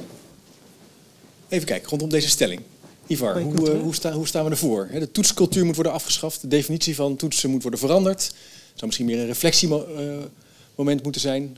Even kijken, zijn er nog reacties op? Ja, meneer. Ik geef dan even deze aan u. Hein van Asselling, VO-raad. ik denk inderdaad het verhaal dat uh, de meneer hierachter vertelde, dat sprak me buitengewoon aan. Maar we moeten ons goed realiseren dat we het nu hebben over het toetsen van leerlingen. Maar in wezen is in ons systeem dat toetsen helemaal doorgetrokken als een vorm van afrekening in het hele systeem. Want leraren worden afgerekend op de resultaten van hun leerlingen. Directeuren worden afgerekend op de resultaten van hun leraren. Scholen worden afgerekend op de resultaten van uh, nou ja, zeg maar het hele systeem. En het stelsel wordt afgerekend door de politiek op de resultaten die erin zitten. Dus we hebben het echt over een hele wezenlijke ingreep in hoe we kijken naar onderwijs en onderwijsopbrengsten. En uh, ik vind dat wij van uh, toetsen een vorm van afrekenen hebben gemaakt, terwijl het eigenlijk een onderdeel van het leren zou moeten zijn. En dat moeten we terugbrengen. Zeg, hoe klinkt dat? Onderdeel laten zijn van het leren. En niet doorslaan in overdreven toetsen. Maar het is ook een systeemvraagstuk. Ja. Het is helemaal aan elkaar geknoopt. Van politiek naar, naar het schooltje waar mijn kinderen naartoe gaan. Ja, en dan, dan is nog het meest ironische in het verhaal dat we dan uh, dat afrekenen weer beoordelen in een toets. Maar wat ik, wat ik, ja, ik denk dat we naar een soort hybride vorm toe moeten. Uh, dat, we, dat we wel in de gaten kunnen houden waar iemand in een leerproces aanwezig is. Maar ja, in mijn optiek is het cijfer wat uit de toets komt enkel een tekeningetje op een papiertje en zit daar ook nog een heel verhaal achter. En juist in dat verhaal denk ik dat, de, dat, dat de meeste mogelijkheden zitten. Ja. om mensen verhaal, op te verhaal erachter snappen. Ja. En, en, en, ja, dat fijnmazige karakter van leren beter begrijpen. Dat je dus allerlei routes kunt hebben. Ja, die dat, dat zijn alleen maar kleine onderdeeltjes daarvan. Ja, die 6,5 van, van Pietje kan heel anders zijn dan de 6,5 voor Klaasje. Ja. De ene heeft ja. er twee minuten voor geleerd en de andere is er een ja. jaar mee bezig. Maar je kan blijven zitten op een 5,7, weet ik uit ervaring. nee, dat kan gebeuren. uh, nee, en het ligt ook heel erg aan waarvoor je denkt dat dat toetsen is. Ja. Uh, bijvoorbeeld, um, over het algemeen heb je op de universiteit en op veel plekken maar één herkansing. Terwijl als het een meting is van hoe goed je het kunt, hoe goed je iets weet, ja, waarom zou je niet vaker mogen herkansen? Natuurlijk is meer werk, maar even zeggen, op, als het ja. gaat om jezelf verbeteren, zou je gewoon vaker moeten proberen. Dat is wat je in spel ook doet. Je blijft nog gewoon proberen. Gewoon heel ja, vaak in gaming mag je oneindig proberen. Ja, dat is wat je doet. En je hebt een soort van safety te veel. Of je moet minder toetsen. Moeten, je mag gewoon oneindig nou ja, maar, maar, maar, mag maar, je proberen. Maar dan is het dus ook niet meer zo eng. Want ja. nu is het soort van één meetmoment en anders moet je weer een half jaar of een jaar later mag je weer verder in de, in de universiteitscontext. Dat zet wel even mijn denken op zijn kop. Dus ik ga even, even naar jou toe. Je mag oneindig proberen. Ja? In deze hoek gaat hij een beetje piepen, sorry. Um, als je oneindig zou mogen proberen, dan heb je wel ook het gevolg dat mensen niet meer hun best gaan doen. Als je het oh ja. zo vaak mag opnieuw doen. Ja. Dan dat kan ik, uh, kan ik bevestigen. Ik weet dat Abel, mijn middelste zoon, op de Snapit precies weet hoe die werkt en hoe die moet drukken zodat hij tot wanneer het goed is. Maar ik zie daar wel iemand op reageren. Meneer. Mijn naam is Maurice Limmer van de Vereniging Hogescholen. Um, het is niet zo dat als je vaker iets mislukt is, dat dan de faalangst vermindert. Ik heb recht gestudeerd. Daar had je in mijn tijd, het klinkt alsof het 100 jaar geleden is, het is inmiddels ook 25 jaar geleden. Uh, daar had je het vak vermogensrecht 1. En dat werd een soort van reunie van, van mensen die elkaar één keer per jaar zagen. En toch, toch werd dat elk jaar weer een tikkeltje bitterder en erger, kan ik je zeggen. Dus het is niet per definitie een prettigere wereld. Um, ik wilde eigenlijk nog iets anders zeggen over die, over die toetscultuur en waar ik me uh, grote zorgen om maak. En dat is dat eh, we in Nederland natuurlijk in toenemende mate twee typen eh, studenten en leerlingen hebben. Hè. En aan de ene kant studenten en leerlingen die daar heel erg op worden voorbereid. eh, Door middel van schaduwonderwijs. Dus krijgen extra hulp van, van allerlei andere mensen die daardoor veel verder lijken te reiken. En dat is voor mij eigenlijk de- werkelijke vraag die hierachter zit. Hè. Hoe, hoe kunnen we er nou voor zorgen dat wat dat betreft die ongelijkheid die in het systeem eh, steeds meer in het systeem sluipt. Dat we dat aanpakken. Dat we kijken naar een manier waarop we kunnen omgaan met toetsen om dat eh, te ondervangen. Dank u wel. Ja, wil je, ja, tuurlijk. Nou ja, ik ben ook geneigd om te zeggen: stop maar met al die toetsen, weg ermee. Het gaat veel meer om het leren. En tegelijkertijd zit het ook heel erg in ons systeem. Sorry, Rinda den Beste, PO-raad. Ehm, ook een van de medeschrijvers. Van, je hebt helemaal gelijk. Het is nog een beetje hol, maar we gaan het nu concreter maken. Heel goed, heel fijn. ja, heel goed. Daarom zijn we hier. eh, en op allerlei andere plekken. Wat ik, ehm, wat ik echt een ingewikkelde vind. Hè. Bij ons is die eindtoets een enorme discussie. En als er nou één eh, ding nog aantoont hoe belangrijk die leerkracht is en hoe belangrijk ook een onafhankelijke toets is, is dat we er toch soms ook een beetje naast zitten. Dus eh, we zijn mensen, leerkrachten kijken naar mensen, hebben percepties van, van leerlingen en van kinderen. En we laten zien dat ze dat heel vaak heel goed in het snotje hebben. Hè? Hoe, wat, wat voor vlees in de kuip hebben, echt heel goed. Maar toch zitten we er ook af en toe nog een beetje naast. Dus als we het anders zouden willen doen, hoe halen we dan die subjectiviteit? En dat raakt ook aan die ongelijkheidsvraag die Maurice eh, stelt. Hoe halen we die er dan uit? Zodat we wel echt gelijke kansen blijven bieden. En het er niet alleen maar om gaat dat je. Nou ja, ik weet niet wat er allemaal in hoofden van leerkrachten bij komt. ehm, waardoor ze soms kinderen niet goed kunnen beoordelen. Maar hoe haal je dat er dan uit? Ik ga eens even kijken aan. eh, Ik, ik ga eerst even naar de tafel. Even, even een terugblik op deze twee vragen. Die gelijke kansen. En toch het idee van dat leerkrachten soms er misschien een beetje naast zitten. Kunnen we daar eens nog een gedachte op ontwikkelen? Ja, mag ik? De, we weten allemaal dat leerkrachten iets beter kunnen voorspellen dan de CITO-toets, hè, wat de resultaten zijn later. Maar de mate we in de CITO-test en de leerkrachten kunnen voorspellen, die is miniem. Dat weten we ook. De beste voorspeller is opleiding ouders. En dat is zo, als je de opleiding ouders kent, dan weet je voor 15 tot 20 procent zeker waar wel het kind terechtkomt. Daarna komen we met IQ-testen en dan heb je zo'n 5 tot 10 procent zekerheid. En daarna komt de leerkracht en eh, weet ik allemaal wat. Dus we hebben het wel over beoordelingssystemen, maar de voorspellende waarde ervan is heel laag. Dus als we het hebben over toetsen, wat toetsen we dan? Want we nemen aan met toetsen, als hij dat kan, dan kan hij verder. Dat, dat is de aanname, toch? Maar dat is helemaal niet waar. Als hij iets kan, dat, dat hij verder kan. Dus we moeten zoeken naar een andere manier van toetsen. Maar ik ben het ook met, met die sprekers van net eens van, ergens moet je op kunnen beoordelen of, of iemand vooruitgang maakt. En waar dat dan precies in zit, dat weet ik niet. Maar ik weet wel dat de huidige manier van toetsen is een soort schijnconstructie. Want we zeggen tegen een kind, je kunt het goed, je kunt verder. Maar de vo- voorspellende waarde is gewoon bijna nul. En, en dan ben je eigenlijk tegen kinderen aan het zeggen van, jij bent heel goed en jij bent heel slecht, maar we weten het helemaal niet. En je, je bent oordelen aan het uitspreken waarmee je sommige Ja. kinderen ontzettend veel onrecht aandoet. En daar, daar heb ik wel moeite mee. En dat wordt nog eens versterkt door het feit dat zo'n toets stimuleert om het daarvan een gedeelte te vergeten. Afhankelijk van hoeveel hard je het daarna nodig hebt. Dus dan is het nog steeds een slechte meting. Want dan we zeggen, al het onderzoek wat, laat, wat wordt gedaan naar hoeveel je hebt onthouden van een vak nadat je het hebt afgesloten, laat gewoon zien dat je het overgroot deel vergeten bent. Dus waarom? Wat heb je getoetst? Eh, en nog even aansluitend op de, op de subjectiviteit. Oh, eerst die progressie. Eh, we willen die progressie kunnen meten, maar dat wil een leerling wel ook kunnen zien dat hij vooruit gaat. En of dat nou in de vorm is van een toets, of in de vorm van, van eh, geschreven feedback, of social praise van je docent, of social praise van je ouders, of gewoon merken dat je vooruit gaat. Portfolio. Ja, portfolio. En dat is wat meer een kwalitatieve manier van, van, van eh, toetsen is, of van Ja. volgen. Progressie willen we allemaal ervaren. Wederom, dat is ook wat spellen doen. Ook een gameprincipe trouwens. Ja, dat is heel erg een gameprincipe. Ja, je- dus er zit een lijn in. Ja, precies. Heel scherp. Eh, en daarnaast nog inderdaad die, die, subjectiviteit vind ik een interessant punt inderdaad. Bij ons op de universiteit is nu een discussie over anoniem toetsen. Eh, dus dat je als docent niet meer kan zien wie het tentamen heeft gemaakt. Ehm, kan ik me dus heel erg voorstellen vanuit die, vanuit die we willen graag objectief toetsen. Eh, er zijn heel veel docenten die zoiets hebben van ja, maar wacht, een deel van wat mijn vak leuk maakt is contact met studenten. Is dat tentamen nakijken is verschrikkelijk, maar die namen nog zien brengt nog iets van persoonlijke beleving. toch een beetje leuk. En, en in de hele be- beweging naar meer formatief toetsen is alles anoniem maken en het summit eh, is heel erg het, het summatieve en het, en het, het soort van de schijn dat het objectief is. Ja. Dus eh, ja, maar ik vind het echt super moeilijk, want dat, dat, dat is wel de reden waarom je toetst. Dat lukt juist om dat soort van objectief te maken. Maar ja, een heel groot deel van deze zaal zal tentamens eh, nakijken of proefwerken nakijken. Het is super moeilijk, dat objectieve. Het is echt een soort van... Ja, het heel, moeilijk, ja. heel, heel leuk dat we dat, dat zeggen met z'n allen. Eh, het is echt super moeilijk. Dus ik, ja, dat, dat, als voor docent zou het heel fijn zijn als je niet hoeft te toetsen. Ja. Ja, of anders in ieder geval. Ik zag jou je hand opsteken. Ik vind het toch wel even aardig om even naar jou toe te gaan. Heel lang geleden werd er in die hoek eh, besproken over dat je een vast moment zou hebben om te toetsen.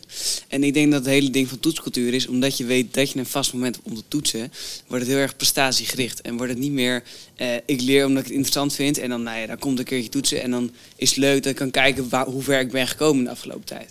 Dus daarom denk ik juist dat je vanaf moet dat je bijvoorbeeld een planner krijgt, dat je ziet wanneer je je toetsen hebt. Want je zou eigenlijk moeten hebben, nou ja, eh, op dit moment zeg ik, nou ja, nu ben ik zover, dus ik zou wel die toets willen doen. En dan doe je volgende t- dag de toets. Dat zou het idee moeten zijn. En niet, je hebt een vast moment, want dan ben je heel erg prest- prestatiegericht ge- gericht aan het leren. Ik zit wel een beetje in mijn maag met dat punt van ongelijkheid, Ja. wat nog werd genoemd. Hoe kunnen we on- ongelijkheid tegengaan met goed onderwijs? En wat, welke rol heeft toetsen daar dan in? Dat, ik ben daar nog niet helemaal over uit. Het is een moeilijk thema. Maar ik wil, ja. Ik ga toch weer even reageren. Hoe eerlijk is de CITO-toets? Als ik kijk naar de voorkant waar een kind begint. En naar de faalangst die iemand heeft opgemaakt. Hoe eerlijk is dat? Het zijn gelijke kansen misschien, maar niet eerlijk. Nee, vervolgvraag misschien nog, want ik ben ook helemaal niet de CITO-toets hoor. Ik, het zijn, er- ik begon volgens mij ook met eh, doe maar weg. Ehm, we weten ook dat hoge verwachtingen eh, betere prestaties oplevert. En we weten ook uit nou ja, casuïstiek dat er wel eens een keer een fout is gemaakt bij bijvoorbeeld een groep 8 die per ongeluk een veel te hoog advies kreeg. Vervolgens allemaal, eh, tenminste driekwart van die klas, drie jaar later, op dat veel te hoge advies gewoon succesvol was in het voortgezet onderwijs. En dit doen we dus in onze hele lijn. Hè? En ik vind dus de ik vind het dus oprecht een zoektocht. En daarom ben ik ook zo blij dat we dit stuk met z'n allen schrijven. Hoe kunnen we dit nou doen? Terwijl we weten dat subjectiviteit er ook in zit. En we ook weten dat nou ja, leerkrachten ook maar mensen zijn. Hè? Dankjewel. Jeffrey, jij wilde erop reageren. Dan moet je natuurlijk ook kijken naar de consequentie van de toetsing. Het systeem zoals we dat nu kennen is gewoon onvoldoende. Zitten consequenties aan? Moet je dus ook gaan kijken. En in lijn met andersoortige toetsing van... Ja, hoe en wat richten we die consequenties in? En dat we dat niet enkel van het cijfer af laten hangen... maar dat we daar ook verschillende parameters in ophangen. Dat denk ik dan. Er zijn ook wel wetenschappers die zeggen, ja, als we juist meer ruimte gaan geven aan studenten en individueel gericht hun leren laten vormgeven, dat zal de ongelijkheid alleen maar erger maken. Mhm. Het zal alleen voor de hoogopgeleide eh, kinderen is dat fantastisch. Mijn kinderen kunnen nog schoola doen en eh, anders ga ik nog even een foutloos rekenen eh, bijles doen in groep 6. Maar ouders die dat niet hebben, die, die, die kinderen raken verdwaald in hun portfolio en die gaan, ja, die kunnen, en die- terwijl er heel veel in zit, kunnen er dus niet toekomen.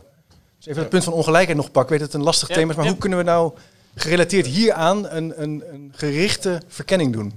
Ja, nou ja, dat, dat, ik, dat is inderdaad ook wat er uit onderzoek komt, dat het algemeen de ongelijkheid vergroot. En dan zou je dus eigenlijk willen dat dan het, het publieke systeem daar een soort van tegenhangt. Ja. Dus ik heb nu bijvoorbeeld ook een student die eigenlijk zou moeten leren schrijven en daar niet zo goed in is. En officieel volgens de regels zou ik hem nu gewoon moeten laten zakken. Ik heb de uren over, of in ieder geval mijn studenten hebben de uren over. Eh, en ik zeg, stop er maar extra moeite in, Ja. want ik wil dat die jongen het gewoon haalt. Ja. En dat helpt hem voor de rest van zijn studie. Ja. Eh, Dus een tegenhanger. Er moet een tegenhanger zijn tegen dat Nou ja, gepersonaliseerd leren. Nou ja, in ieder geval als, als, we het, als we het zo vrij maken dat het heel erg af gaat hangen van, van, van afkomst en toevallig inkomen en opleidingsniveau van de ouders. Eh, en inderdaad, zeker met het hele schaduwonderwijs, ik vind het nog steeds een goed punt, maar het is echt een super moeilijk Ja, punt ook. ja. Eh, dan moet er of iets zijn wat zorgt dat gewoon het publieke bestel zo ongelooflijk goed is dat je nooit naar schaduwonderwijs gaat, of je moet expliciet gaan tegenhangen. Maar het kan niet zo zijn dat, dat het alleen Nee. maar ongelijker wordt. Kennis blijft dan heel belangrijk. Je denkt met kennis. Dus eh, als je eh, van een lastige, eh, lastige achtergrond hebt, heb je ook juist kennis nodig. Maar ik ga even naar links. Ik zag twee, drie mensen hierop reageren. Dus ik loop even. Ik ga eerst even naar degene die nog. eh, even kijken, was u hè? Ja. Ehm, ik denk dat het vooral belangrijk is dat je door het hele onderwijs wat meer gaat kijken naar wat je met, wat je met toetsen leert, wat je met lessen leert. Ehm, in de zin van wat, je ge- wat geef je mensen mee? Dus als je autonomie wil, eh, wil leren, als je procesgericht wil leren, als je initiatief wil leren, past een toets daar dan bij. Ehm, en ook pas, een, eh, pas het doen van een onderzoek daarbij. Als je zegt, oké, ga maar naar huis en lever maar in. Want dan nog steeds ben je gewoon resultaatgericht bezig. En nog steeds ben je gewoon op de klassieke manier bezig volgens mij. En niet naar het proces aan het kijken. Kunt u nog even zeggen wie u bent? Oh, sorry. Uh, Lisette van de Ark, MBO Amersfoort. Leuk om ik was vooral altijd bezig met het. eh, toen, ik geef nu geen les dit jaar, maar normaal gesproken was ik altijd bezig met, eh, met bekijken met leerlingen van oké, hoe wat- welk proces ga je nou door met, met je groepje? Wat zijn de dingen die veranderen? Wat, zijn de, wat, wat is je startsituatie? En wat zijn de dingen die je, ehm, die je zelf oppikt hieruit? Je hebt het punt van autonomie, hè? van hoe kan je verantwoordelijkheid nemen over je leerproces. Precies, dus je vraagt gewoon, als je de consequenner vraagt en daar je cijfers aan hangt, ook al geef je cijfers, omdat leerlingen het gewoon af en toe gewoon prettig vinden om te horen, dan ben je, geef je wel cijfers, maar dat is niet het, klassieke cijfer van je hebt een 10. Nee, die 10 krijg je als je initiatief hebt, een autonomie en het uit, uiteindelijk je vak kent. Zo, een reflectie op het leerproces, reflectie op je eigenaarschap in plaats Ja. van een cijfer. Misschien stond er een cijfer. Ja, nou ja, dat, hoort, ja, dat is een middel.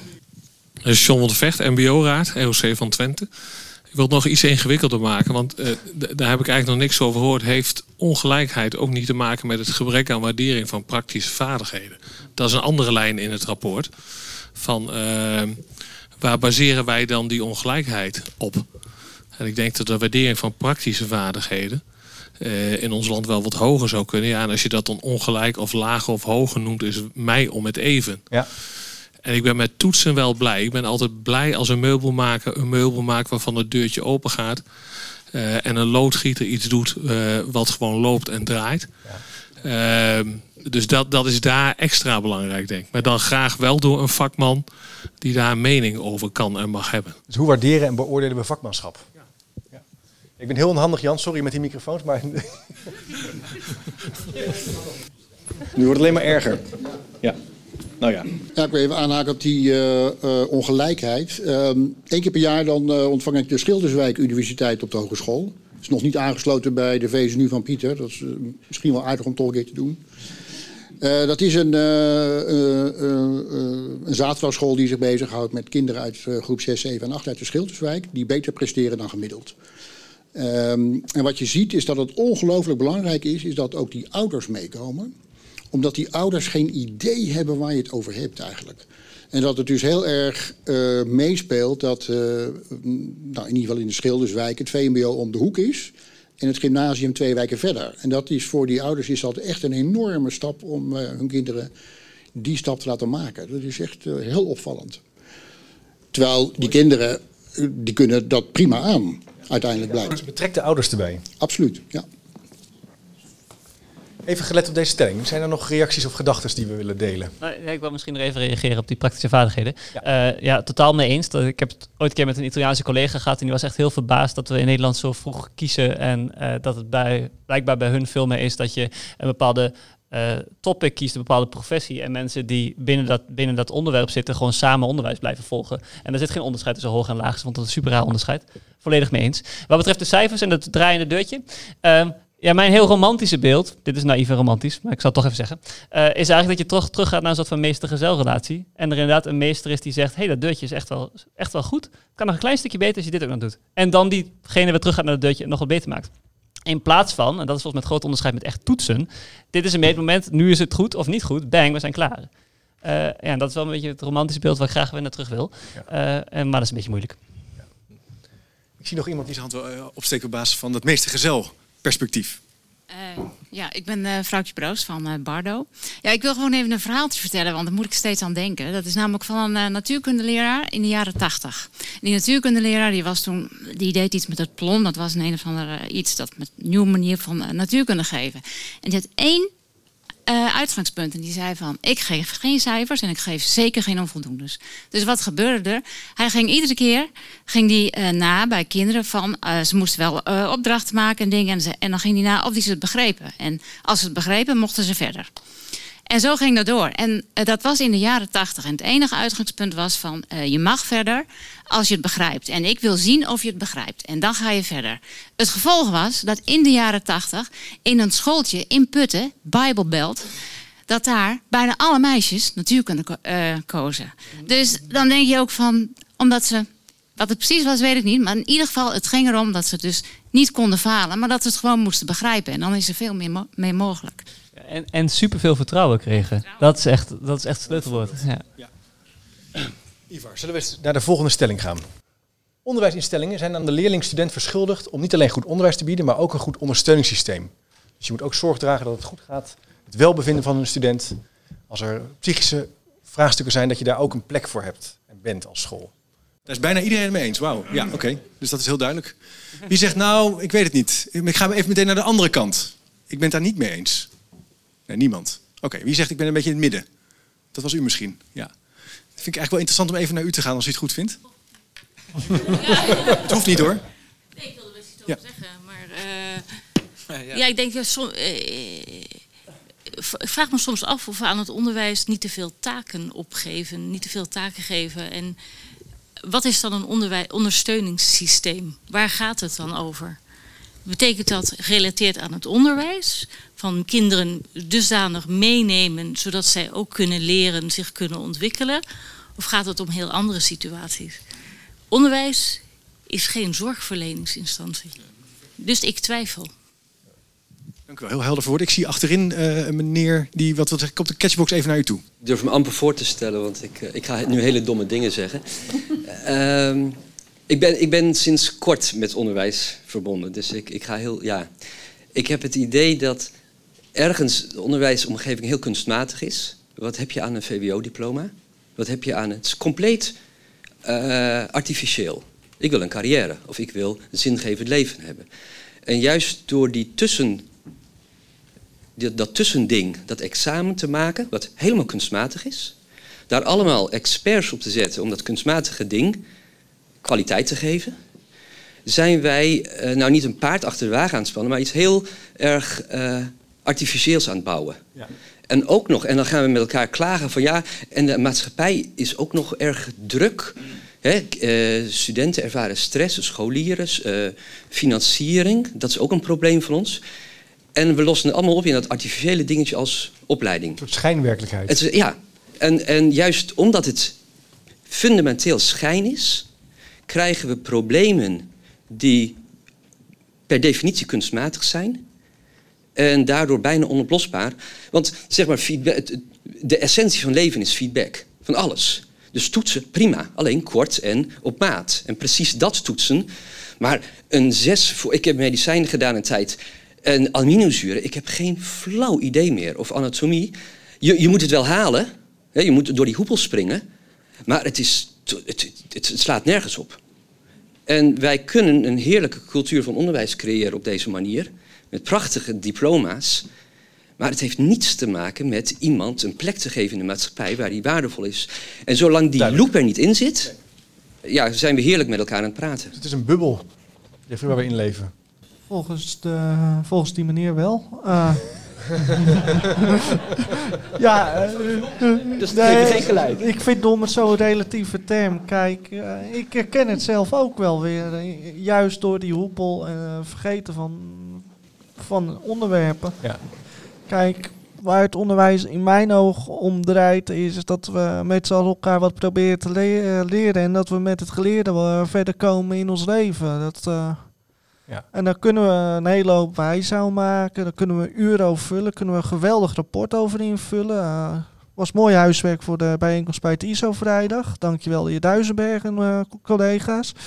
Maar ehm, ja, ik denk dat we toch wel af en toe gewoon terug moeten gaan van ja, we hebben wel een heel ingewikkeld systeem gemaakt, maar ja, waarvoor doen we het eigenlijk? Terug naar de bedoeling, Ja. zoals Wouter Hart eh, wel eens schreef in over een verdraaide organisatie. Maar wat, Frank, wat vind jij daarvan? Moeten we terug naar de bedoeling? Of zeg je nou, Nee, hoe kijk jij daarnaar? Ik denk, ik denk dat het heel erg waar is. Ook omdat het diploma uiteindelijk ook weer niet, dat we zeggen, qua feitelijke vaardigheden niet zo voorspellend is. Qua beroepsperspectieven wel, want de hele wereld hecht de waarde aan. Dus er moeten nog Ja. wel mensen worden toegevoegd aan het eh, lijstje in het rapport. Ehm, maar voor studenten is het wel gewoon hun werkelijkheid. Ja. Voor studenten is dat, eh, en voor scholieren, laten we zeggen dat diploma, dat is een soort van je holy grail. Ehm, terwijl, in de, terwijl ja, wij misschien er iets met sommigen van ons er met meer afstand naar kijken. Maar in- ja. En dat vind ik ook moeilijk aan Het opent ook deuren, hè? Het is ook iets waar je het is trots heel op erg. bent. Het is, het is Ja. een soort van. eh, het is een soort van selectieproces en jij mag daar wel en jij niet. Het is wederom dat toetsen. Een heel hard, heel hard schisma. Alleen op basis van een wel of niet een papiertje halen of misschien ergens wel of geen spel van Ja. hebben gemaakt. Wat net het verschil maakt tussen eh, de ene toekomst of de andere. En dat vind ik ook een beetje moeilijk aan het. eh, want ik, ik, ik begrijp helemaal wat die, wat die mevrouw zei. Dat, eh, hoeveel moeten we van scholen eh, vragen en van eh hoger onderwijsinstellingen? Maar het probleem is dat leren en leven best moeilijk uit elkaar te houden zijn, zoals Jan Brandsen zou zeggen. Ehm, En dat zoveel voor die studenten gebeurt door hun studie en in hun studie en alles wat er omheen zit, dat je er bijna niet, niet aan ontkomt. En wat we nu heel erg doen, is dat heel artificieel uh, bij studieadviseurs leggen en heel erg buiten de verantwoordelijkheid van docenten. Oké, docenten, jullie, jullie zijn verantwoordelijk voor, uh, in ieder geval zeker in het hoger onderwijs, jullie zijn verantwoordelijk voor de kennis. En daarnaast hebben we studieadviseur en die zorgt dat je uh, ondersteund wordt. terwijl uiteindelijk wil je natuurlijk eigenlijk dat je een soort van zorgzame organisatie bent als, als hele club bij elkaar, als studenten onderling en als docenten met studenten. Terwijl wat ik vaak van studie adviseurs terughalen, uh, terughoor, is dat veel studenten helemaal niet weten van elkaar hoe zwaar ze het hebben. Dus er komt er een student, komt bij een studieadviseur aan. Ja, ik heb het gevoel dat ik, ben, het gevoel dat ik de enige ben die het zwaar heeft. Student A heeft het makkelijk, student B heeft het makkelijk. En de studieadviseur denkt, ja, student A had ik vorige week in mijn consult. Student B komt zo, maar dat mag ik niet zeggen. En zo zitten we met z'n allen of een schijn op te houden eh, dat we het allemaal zo makkelijk hebben en het zo goed doen. En dat allemaal op Instagram Dit te is ook gooien en spannend. Facebook. Ik, weet, ik schrok toen ik, ik, ga- ik heb economie gegeven. Toen de eerste leerling huilend aan mijn bureau had, schrok ik me een hoedje. Ja, snap ik. Ja, maar Wat- uit- wat moet ik nou doen? Ja, uiteindelijk, en dat is, zit weer ook in die coachende rol waar we het eerder over hadden. Het is een rol die je als docent veelal niet hebt en sommigen het ook niet willen. Maar uiteindelijk om het alleen maar bij professionals te stoppen, zorgt dat je het soort van wegstopt. Terwijl uiteindelijk wil je een sociaal vangnet zijn, studenten en docenten. Ik zie dat uh, op basis van je reactie, ga- we gaan er wat handen de lucht in. Ik weet niet of dat goed is. Een beetje daarop aansluiten en ook wel een, een iets ander perspectief. Ehm, wat ik merk in deze discussie en ook uit het stuk, het, het wordt heel erg bekeken vanuit de ratio. Hè? Het is denken, denken, denken, denken. En er staat ook helemaal in het begin van het stuk, we moeten anders denken. Ja, we moeten ook in- anders denken, dat klopt. Maar wat er dus niet benoemd wordt, is ehm, wat meer zit op voelen. Wat meer zit op eh, energie. Wat meer zit op intuïtie. Ehm, maar op het moment dat wij, als wij een heel systeem willen veranderen en we gaan het vanuit denken doen, dan gaat het niet werken. Ja, je zegt, we vergeten iets. Ja. Intuïtie, Ja. Ja, ja. Ik heb gisterenmiddag, eh, toen ik eh, een uur in de auto moest zitten, geluisterd naar een podcast van eh, studenten van ons van eh, verloskunde. Ze hebben een minor gedaan eh, over eh, hoe, hoe ehm, in, in een omgeving, moet ik zeggen, samen met eh, social work studenten en finance studenten. Dat lijkt een hele mooie combinatie. En ze hebben zich bezig gehouden met jonge moeders met gestapelde problematiek, laat het maar even zo noemen. En zij vertelden in die podcast, die studenten, wat zij waren tegengekomen. En de helft van die verhalen gaan over henzelf. Hoe zij professional geworden zijn in die omgeving. Omdat ze herkenden bij die jonge moeders die van over de hele wereld komen. eh, en uit Rotterdam komen. eh, hoe, die, hoe die daarmee worstelden. En om contact te kunnen maken met die jonge moeders moesten zij ook bij zichzelf te raden gaan. En vandaar dus die hulpverlening, bij wijze van spreken, hoe belangrijk dat is. En die docent die wist dat van tevoren, die heeft dat vorig jaar ook gedaan. Dus die was daarvoor geëquipeerd om daarmee om te gaan. Maar het is ongelooflijk belangrijk, juist voor zo'n professional, en zeker in dat beroep blijkbaar ook, eh, om jezelf te kennen, om met de ander in contact te kunnen komen. Dus echt het ref- reflectieve gesprek over wie je bent, hoe je dingen doet, dat normatieve kader bepalen, of dat er is of niet. Ik Zeg, dat is eigenlijk een heel belangrijk element van leren en van ontwikkelen. En dat hebben zij een podcast van gemaakt. Nou, ik, ga, ik wil nog even die link straks hebben, dan kunnen we die op de website zetten. Goed. Wie wil daar nog even... je hier, of, eh? ja, Paul, natuurlijk. Ja. Het zit zo. eh. Ja, ja, ja, sorry. Onderwijs, eh, dat geldt in, in de literatuur noemen ze dat, dat is een construct, een geconstrueerde werkelijkheid. Als je bepaalde taken kunt en bepaalde dingen kunt uitvoeren, dan ben je goed. En als je het niet kunt, heb je een probleem. Maar dat is geconstrueerd. Een voorbeeld. Stel, we doen een IQ-test. Die IQ, IQ kunnen we niet zien, kun je niet voelen, kun je niet ruiken, kun je niet proeven. IQ bestaat niet eens. Het is een test die gemaakt is door mensen die hebben gezegd, als je nou dit goed kunt, dan ben je heel slim. En als je dat niet kunt, dan ben je niet zo slim. Maar we weten niet eens wat IQ is. Daar gebeurt dus heel raars. En er is een Fransman geweest in de jaren 50, die heeft de rol omgedraaid, die heeft een andere IQ-test gemaakt. En daar bleek uit dat de mensen die normaal gesproken heel slim waren, heel slim, eh, dom waren. En de mensen die normaal gesproken dommer waren, een stuk slimmer waren. Het is maar net welke vragen je stelt en wat je doet. En in het onderwijs doen wij hetzelfde. Ik- Die opmerking net werd gemaakt over meer emotie, meer begrip, meer eh, meeleven met elkaar. Zo is het onderwijs niet gedefinieerd. En het, in, ons hoofd is onderwijs het sommetje kunnen maken, het Engelse proefwerk kunnen maken. Dus, eh, en het is wel een geconstrueerde werkelijkheid die we met z'n allen gemaakt hebben. En dat dat betekent ook dat we hem kunnen herdefiniëren. Nou, en dat is wel erg belangrijk, dat we dat, dat we realiseren. En het lijkt wel... Sorry. Ik, Nee, dat is duidelijk. Ik, heb, ik ga even naar de laatste... Ja, en die, die vrouw is ook al de hele tijd. Oh, ja, wacht, loop ik even daar naartoe, kom ik daarna bij jou. Een, Ja. geconstru- een geconstrueerde werkelijkheid, daar eindigt de Paul mee. Eh, Eh, ja, ik wil denk ik nog een paar stappen terug naar iets uh, terug in de discussie. Ik ben uh, Charlotte van de Studentenraad in Delft. En wij zijn toevallig ook heel erg bezig met welzijn van studenten. Maar daarmee probeer ik ook heel erg de nadruk te leggen op juist de preventie. En in die zin zou ik zeggen dat inderdaad de universiteit geen zorginstelling is. Maar dat je wel in het onderwijs eigenlijk zou moeten voorkomen dat studenten of dat de universiteit een zorginstelling moet worden. En ik denk dat daar ook wel de um, verantwoordelijkheid van de universiteit is en ook van elke school. Je geeft uh, in die zin de leerlingen kennis en hoe ga je om met die kennis? En ik denk dat dat ook een hele grote vraag voor studenten is. Van, uiteindelijk krijg je zoveel kennis en zoveel twijfels en zoveel inzichten. En hoe ga je daar dan mee om? ik denk dat je daar al heel veel mee uh, kan voorkomen. Dankjewel, Frank. Ja. Nee, ik denk dat het op, op, op drie manieren belangrijk is. Dan zeker bij technische opleidingen een super grote verantwoordelijkheid wat je hebt door alle mooie tools die je in handen krijgt. Bijvoorbeeld voor onze studenten kunstmatige intelligentie ook. Uh, daar zit een stuk gevoel en ethiek bij. Daarnaast uh, de simpele vraag, wat wil je nou eigenlijk als scholier? En wat wil, waar, waarvoor doe je dingen? Daar zit ook een stuk gevoel bij. Van, wat zijn mijn drives? Ik heb het ooit een keer aan vier HAVO-scholieren gevraagd. En het enige antwoord wat eruit kwam was mooie auto's, mooie horloges, grote huizen en mooie vrouwen. Dat was ongeveer de samenvatting. Er zat bijna niks achter van wat ze nou... Want die vraag was hun gewoon nog nooit gesteld. En dat gaat dus heel niet over platte kennis. Dat gaat over een soort van gevoel, een drive van... hé, hey, waar sta ik voor? En het punt van contact met wie je bent. Ja, precies. Ja, ja, ja. ja en dat, is wederom ook die coachende rol waar we het al eerder over hadden. En een ander voorbeeld is... Uh, het is ook weer een beetje gerelateerd wat ik net zei over studieadviseurs. Uh, ik heb recent een college gegeven uh, waarin ik studenten zich kwetsbaar heb laten voelen. Omdat kwetsbaarheid en emoties die we met z'n allen niet zo heel makkelijk tonen. Terwijl het wel heel belangrijk is voor heel veel vaardigheden, zoals leren. Maar ook om hulp vragen, vragen stellen, et cetera. Um, dat dat hele college vertellen gaat te ver. Uh, dat college was het meest emotionele college dat ik ooit heb gegeven. Maar ik denk ook mijn meest gewaardeerde college. En meestal zijn mijn colleges meer redelijk goed gewaardeerd. Dus dit is, is dat getoetst? nou ja, het is echt een hele lange lijst. Het is duidelijk getoetst. En ik weet alleen niet of mijn onderwijsdirecteur er blij mee was. Want het is wederom, mensen verwachten iets cognitiefs. En ik ja. heb gewoon een heel ja. college ingestoken op...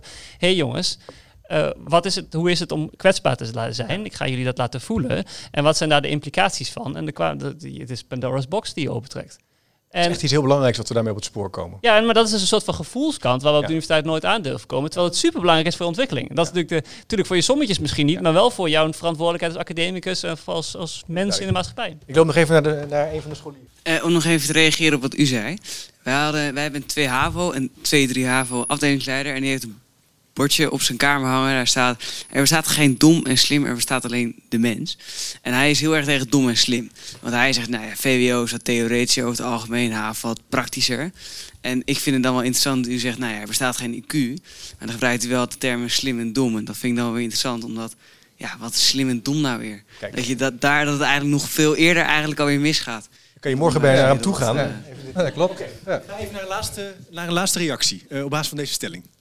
Um, we hadden het net over, die, oh nou, over dat emotionele. Um, ik denk dat het ook verschilt per onderwijsinstellingen, um, per niveau waar je zit. Ja. ik heb juist voor het MBO-onderwijs gekozen omdat ik, het, omdat ik het leuk vond dat de leerlingen ontzettend open zijn. Dat je heel snel hele leuke gesprekken hebt, hele gave vragen krijgt als je voor die groep gaat staan. Waardoor je heel snel iets, iets met ze opbouwt. Um, en mijn ervaring was met HVWO dat het veel lastiger was om daar doorheen te breken, zeg maar. Dus um, ik denk niet dat het per se aan die kinderen zit, uh, ligt die in de klas zitten van de leerlingen of van de studenten, maar misschien wel een beetje aan de, de weg die ze hebben afgelegd in het onderwijs. Het zou kunnen dat, dat het uh, MBO-onderwijs of het VMBO-onderwijs uh, daar iets meer ruimte voor heeft gegeven. Ik ben daar benieuwd naar in ieder ja. geval. Dat zou een leuke goeie, vraag zijn om een keer naar te goeie kijken. onderzoeksvraag. Ja, leuk. Misschien kan je hem doorgeven nog even, Pieter. Ja. Ja, ik wilde toch nog over die begeleiding. Uh, daar was ik echt helemaal voor die uh, stelling. Echt, mijn hand ging tegen de lamp aan uh, hierboven. Uh, wat, ik, wat ik vind het een cruciaal ding. Het is ook iets waar we met de leerlingen en studenten over hebben gesproken. Dat als je zou doen in dit stuk wat we willen, hebben we ook net eerder in de discussie van jullie gehoord, dat als we dat niet goed doen, dan vergroot het juist de ongelijkheid. Dus dat is. Dus je, je moet dus de juiste dingen. En, en juist als je bij deze dingen doet met meer differentiatie, dan krijg je dat je. Dan moet de begeleiding. Die moet, die moet alleen maar meer worden dan wat het vandaag is. Ook omdat de keuzes die je maakt als je zo'n portfolio opbouwt. Die keuzes zijn heel erg bepalend voor wat je weer voor, weer voor later. Dus je, dus je kunt. Dus dat wordt veel. Uh, uh, ook dat wordt fijnmaziger. Dus die begeleiding die noodzaak wordt alleen maar groter. En dat is ook wat door de studenten en leerlingen heel duidelijk is ingebracht in dit, in dit stuk. Dit is een, gewoon een cruciale randvoorwaarde. Maar hoe gaan we dat doen? Misschien even als eerste reactie. Eh, eh, het blijkt dat als je hiermee begint, ik val een beetje in herhaling in maar als je begint met, met leerkrachten, dan heb, kijk ze in eerste instantie aan van, die man is knettergek. En pas op het moment dat je zegt, ga zelf je eigen vakken ontwikkelen en ga proberen stukje voor beetje niet het boekje te volgen met kijken wat die klas nodig heeft en waar ze mee, te maken hebben, dan zie je dat die leerkracht dat heel goed kan, de meeste. En dan zie je ook dat zijn arbeidsmotivatie gigantisch toeneemt. Want hij is geen uitvoerder meer, die, die persoon, die is gewoon zijn eigen vak aan het ontwikkelen. En hij ziet de motivatie bij die leerlingen. Het is wel zo, we weten het nu tot een jaar of 16 dat leerkrachten dit goed, kunnen, dat kan. Daarboven durf ik het niet te zeggen, omdat er misschien andere criteria een rol gaan spelen als het landelijk examen en, en noem maar. Maar tot de jaren 16 hebben we echt heel veel ervaring opgedaan en weten we gewoon dat dat kan. Ook met deze grootte van, van klassen. Ja. Even een laatste reactie. Uh... Even iets aan toevoegen. Ik uh, ben een collega van Pieter van de VSNU. En toevallig veel bezig met studentenwelzijn en met dit thema. En ik denk dat uh, we kunnen leren van andere landen ook. Er zijn, uh, kijk naar internationaal baccalaureat. Hè. Daar zit een uh, deel in, dat heet gewoon levensvorming. Dat is in het curriculum ingebed. Dus ik denk een van de voorwaarden die je kunt meenemen hierin is... je moet het gewoon in je strategie opnemen. Vraagt ook echt commitment van uh, management, van leiderschap, om te zeggen: dit is een deel, dit vinden we belangrijk en, uh, en dan moet je het vertalen. Hè. Je kunt niet alles aan studenten, leerlingen, leer, leerkrachten overlaten. En dat zijn een van de, van de dingen die je kan oppakken. Mooi. Opnemen je strategie, onderdeel van het primaire proces. Ja, nou, dat wordt geknikt. Ik ga even gelet op de tijd. Want het is bijna vijf uur. Ik ook recht doen aan de agenda's um, richting een afronding. Dus uh, wat mij betreft, Ivar, gaan we naar de laatste stelling. Dat is een beetje mijn stelling. Je zou kunnen zeggen, mijn persoonlijke zoektocht. Ik interviewde eergisteren Ad Verbrugge. En dan kwam ik toch wel weer in een hogere vorm van verwarring reek naar huis. Want dan denk ik, ja, het gaat ook wel... Want ik voel me ook wel thuis bij een aantal dingen die hij zegt. We, we moeten ook gewoon goed onderwijs geven. Kwalitatief goed onderwijs. Er is niet zoveel mis met dingen kunnen onthouden en dingen kunnen herinneren en kennis. Dus toen dacht ik, motivatie is onzin. We moeten gewoon goed lesgeven. Als stelling. Je mag hem ook overboord. Wie zegt, hartstikke mee eens? Nou, ik zag toch wel twee vingers. Een meneer achterin en ik zag jou voorin, uh, twee vingers. Maar, en wie zegt, ik ben het hier echt niet mee eens, Chip, dit slaat nergens op. Kijk, een helft, iets minder dan de helft. Wie is hier neutraal over? Ik zeg nou, ligt een beetje in het midden. Oké, oké, dank u wel. Ik zou graag even naar u willen, helemaal achterin. Uh, zou je de catchbox uh, durven te gooien? Want gelukkig, ik heb een medestander. Chris Flikweert, bestuurder van uh, Gomare Scholengemeenschap in uh, Gorkum en Zalbommel. Ik ga een beetje aan de andere kant hangen. Uh, natuurlijk doet motivatie er wel iets toe. Maar goed onderwijs, uh, een docent die wat te vertellen heeft, die kan heel veel oplossen van motivatie die er anders misschien niet is. Dus leerlingen gewoon hun eigen weg laten gaan en de dingen laten doen die ze leuk vinden, dat vind ik gewoon te mager. Ik vind dat je ook af en toe uh, obstakels op de weg van leerlingen moet leggen waar ze overheen moeten. Uh, die ze misschien later in hun leven heel erg hard nodig hebben. Want wij kunnen gewoon niet 10, 15 jaar vooruit kijken wat er op hun pad komen. Dus we moeten ook wel zorgen dat ze die, motiva dat ze die bagage meekrijgen. En daar speelt een docent een hele belangrijke rol. En mijn ervaring is als docenten goed opgeleid zijn, goed gemotiveerd zijn, uh, dat ze uh, hele grote delen van de klas meekrijgen. Heel duidelijk. Ik zag u ook, hè? Uh, hand opsteken. Uh, nou, daar ben ik het voor een heel groot uh, gedeelte mee eens. Ik denk dat de leraar een cruciale rol heeft. En dat we eigenlijk, uh, want dat wilde ik eigenlijk ook nog zeggen, van leren, dat is eigenlijk gewoon pure emotie. En emotie, omdat je soms geen zin hebt om te leren, dan moet je eroverheen zetten. Emotie, omdat je denkt, yes, ik heb iets, ik heb iets door. En emotie, omdat je gewoon door moet zetten. En um, kijk, wat we vaak wel zien, nee, hoe zal ik het zeggen? Van, uh, ik vind dat die leraar een cruciale rol heeft. Want wat kan er gebeuren? Bijvoorbeeld als ik eens een keertje naar een, een televisieprogramma kijk. Ik ben eens een keertje, ik weet nog heel goed. Toen was National Geographic, uh, zag ik ergens, en dat ging over uh, het Opera House in Sydney, hoe dat was gemaakt. Nou, ik ben echt totaal niet geïnteresseerd in iets van bouw en al dat soort dingen meer. Maar op de een of andere manier was ik. Wat er precies gebeurde, weet ik niet. Maar ik was compleet gegrepen en sterker nog, ik kon na afloop dingen vertellen. Dus uh, ik denk dat het gewoon ook heel belangrijk is van hoe die leraar lesgeeft. Hoe die het presenteert. En dat hij gewoon de leerlingen in die zin ja. ook gemotiveerd kan ja. raken. Kan ja, daar maken. heb ik het helemaal mee eens. En, en, toch een vorm van expert zijn en boven de stof staan. Ja, maar, maar dat, ik zou... En iemand kunnen raken. Ja, eh, helemaal mee eens. Maar dat raken en dergelijke, het is heel afhankelijk van hoe je die stelling interpreteert. Ja, Maar zoals, ja. ik, zoals ik meestal beter onderwijs Nederland interpreteer, is dat het juist allemaal niet zoveel franje hoeft te hebben en allemaal niet zo heel mooi en goed en aansprekend hoeft. eh, wel goed, maar niet aansprekend en zo te zijn. Want je moet, het gaat gewoon om de inhoud. En, maar goed, ik weet daar niet zoveel van. Maar, Het gaat ook niet om, om hun, maar meer om de stelling van... Even, even verder over, over motivatie. Kijk, ik, ik denk dat dat wat we hier zeggen heel veel dingen zijn die docenten kunnen doen om mot- motivatie te bevorderen. Ja. En uiteindelijk wat je graag wil is dat eh, onderwijs tenminste twee dingen doet. Los van alle dingen over leren. Dat mensen een levenslange motivatie voor leren hebben en houden. En dat gebeurt alleen als ze het enigszins leuk vinden. Want Als er anders, dus emotie is. ja, en, en, en dan lees je het ook af en toe positieve emotie, af en toe negatieve emotie, want in die wrijving leer je. Ehm, eh, maar dat kan niet als, alles, als het leren het stom vinden. Dus er moet iets van motivatie in zitten. Het kan niet alleen maar plat leren zijn. Tweede is, motivatie zit super dicht tegen welzijn aan. Dus we kunnen niet zeggen, we willen wel welzijn bevorderen in onze leerlingen en, en, en studenten. Oh ja. En vervolgens niet gaan nadenken over hoe we motivatie stimuleren. Duidelijk. Ik zie eh, achter mij eh, de scholieren al lang met een hand op. Dat vind ik ook zo rottig. Dus ik wil eigenlijk... Daar zijn er nog meer. Oh, sorry. Ja, oh, dat is goed. Nou, dan wordt het helemaal niks meer. Hè? Dat zal het eind zijn. Ik begin even hier. Ga ik gewoon iedereen langs. Een laatste gedachte. Ja, vanuit eh, een leerlings eh, haar perspectief. Ehm, motivatie is zeker belangrijk. Alleen als je bijvoorbeeld een goede leraar hebt, een goede docent, een goede lerares. Bijvoorbeeld mijn scheikundedocent kan echt geweldig uitleggen en dan wordt het ook heel leuk. Maar als je dan bijvoorbeeld voor natuurkunde een docent hebt die niet eens een glimlach heeft tijdens het uitleggen. Nee, dat kan, maar die ook niet de motivatie laat zien, dan is het heel lastig voor de meeste leerlingen om ook ehm, daar zelf motivatie voor te krijgen. Dankjewel. Emotie en verbinding met iemand die lesgeeft. Ja, eh, er werd net gezegd, ja, goed lesgeven, dat, dat is echt het ding. Maakt niet uit wat de leerling is, maar goed lesgeven, dat, dat moet je gewoon hebben. En ik vind eh extrinsieke motivatie, dus hoe de docent lesgeeft, is heel belangrijk. Om uiteindelijk zeg maar echt veel te kunnen. Maar je moet, vind ik, wel intrinsieke motivatie hebben... om de extrinsieke motivatie van de docent ook nuttig te niet vol. kunnen gebruiken. Dankjewel. Dankjewel. Ik denk dat we niet kunnen bouwen op een eh, rotte fundering. Want juist die, dat huis. Want ik denk dat eh, de intrinsieke motivatie van scholieren, maar ook studenten, is essentieel voor het goede lesgeven. En natuurlijk is de rol van een eh, leraar daarin cruciaal. Want die kan ook motivatie maken.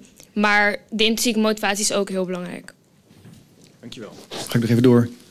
Als Ja, laatste ik- reactie. Ik, ik wil wel even nog benaderen dat Nederlandse scholieren het minst gemotiveerd zijn ter wereld. En volgens mij dat leerprestatie en motivatie eh, elkaar alleen maar versterken. We zien dit bijvoorbeeld leesvaardigheid eh, daalt. En nou, als ik aan eh, scholieren vraag, en dat hebben we meermaals gedaan, van ja, waarom, waarom lezen jullie niet? Dan zeggen ze ja, we, we mogen maar uit vijf boeken kiezen en die vinden we niet leuk. En we vinden heel veel andere boeken wel leuk, ja, maar dat telt niet. Eh, we hebben projecten bij mij op school gehad, waarin leerlingen, omdat ze zo erg waren afgestemd op leerlingen en echt eh, die motivatie naar eh, boven haalden, dat leerlingen echt tot na schooltijd eraan bezig bleven, gewoon op school, omdat ze het zo gaaf vonden, omdat ze zagen dat ze dingen bereikten, omdat ze het zo leuk vonden. Dus wat dat betreft is motivatie echt een essentiële voorwaarde, denk ik, eh, voor prestatie. Dankjewel. Laten we met die gedachte eindigen. Eh, een goed gesprek, in ieder geval. eh, het leidt tot meer vragen, wat mij betreft. En eh, ik heb een aantal keer zat ik op mijn emotie opgeschreven. Dus dat is ook wel weer een vervolg, vervolgonderzoek waard. Hè, de dieperliggende drijfveren om te leren. We zijn het eind gekomen van, van het gesprek. Ik wil ook gelet de tijd richting een afronding gaan. Het is nog wel zo, als je straks hier wegloopt en je denkt... er is iets nog niet gezegd, dan kan je nog even aanschuiven en ongezouten je mening geven. Bedankt voor jullie tijd. Ontzettend leuk dat jullie allemaal hier naar Den Haag wilden komen. Frank, Amsterdam. Oh, sorry. Den Haag en Amsterdam. Ja, nou, daar ga je. Had ik het zo geoefend. nou ja, in Amsterdam, hè. Kijken naar het plaatsnaambordje, dan eh, misschien dat je weet waar je bent. nou, dankjewel. Tot de volgende keer maar weer.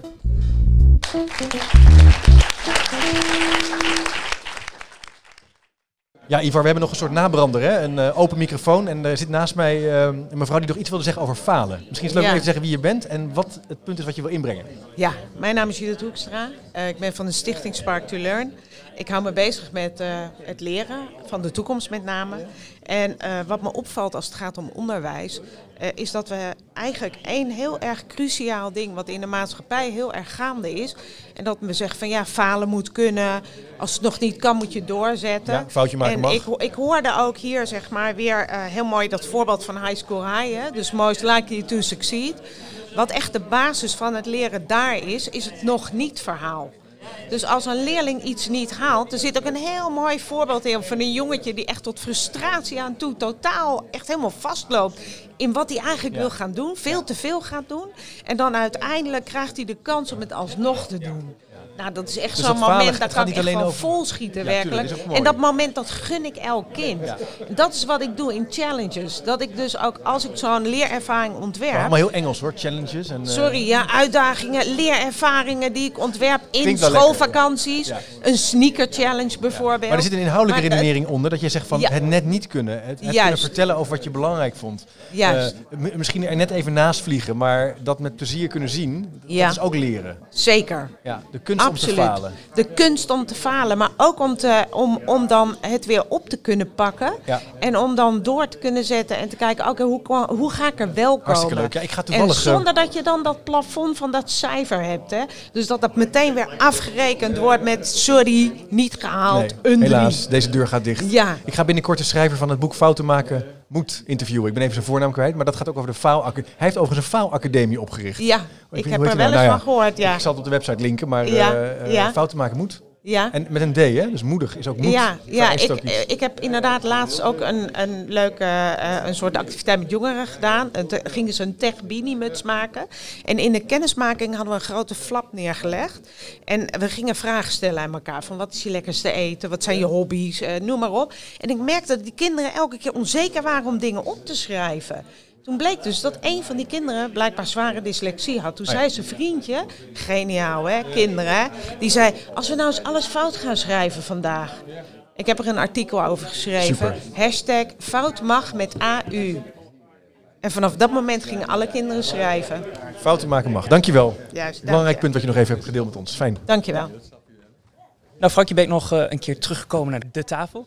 Eh, zeg eens, je, je wilde nog een punt delen. Wat is dat? Ja, nou ja, eh, misschien al wel veel te, veel te veel gezegd. Maar één ding wat ik. Wat, we hadden het over, wat is nou eigenlijk het doel van het onderwijs? En misschien de lagere vraag die we ons kunnen stellen: oké, wat, eh, wel, hoe rendeert de tijd van, en het geld in het onderwijs het hardste? Eh, want eerder werd er bijvoorbeeld gezegd: ja, we moeten eigenlijk gewoon om studenten al die persoonlijke paden te geven, moeten we ze gewoon meer gaan coachen en meer gaan begeleiden.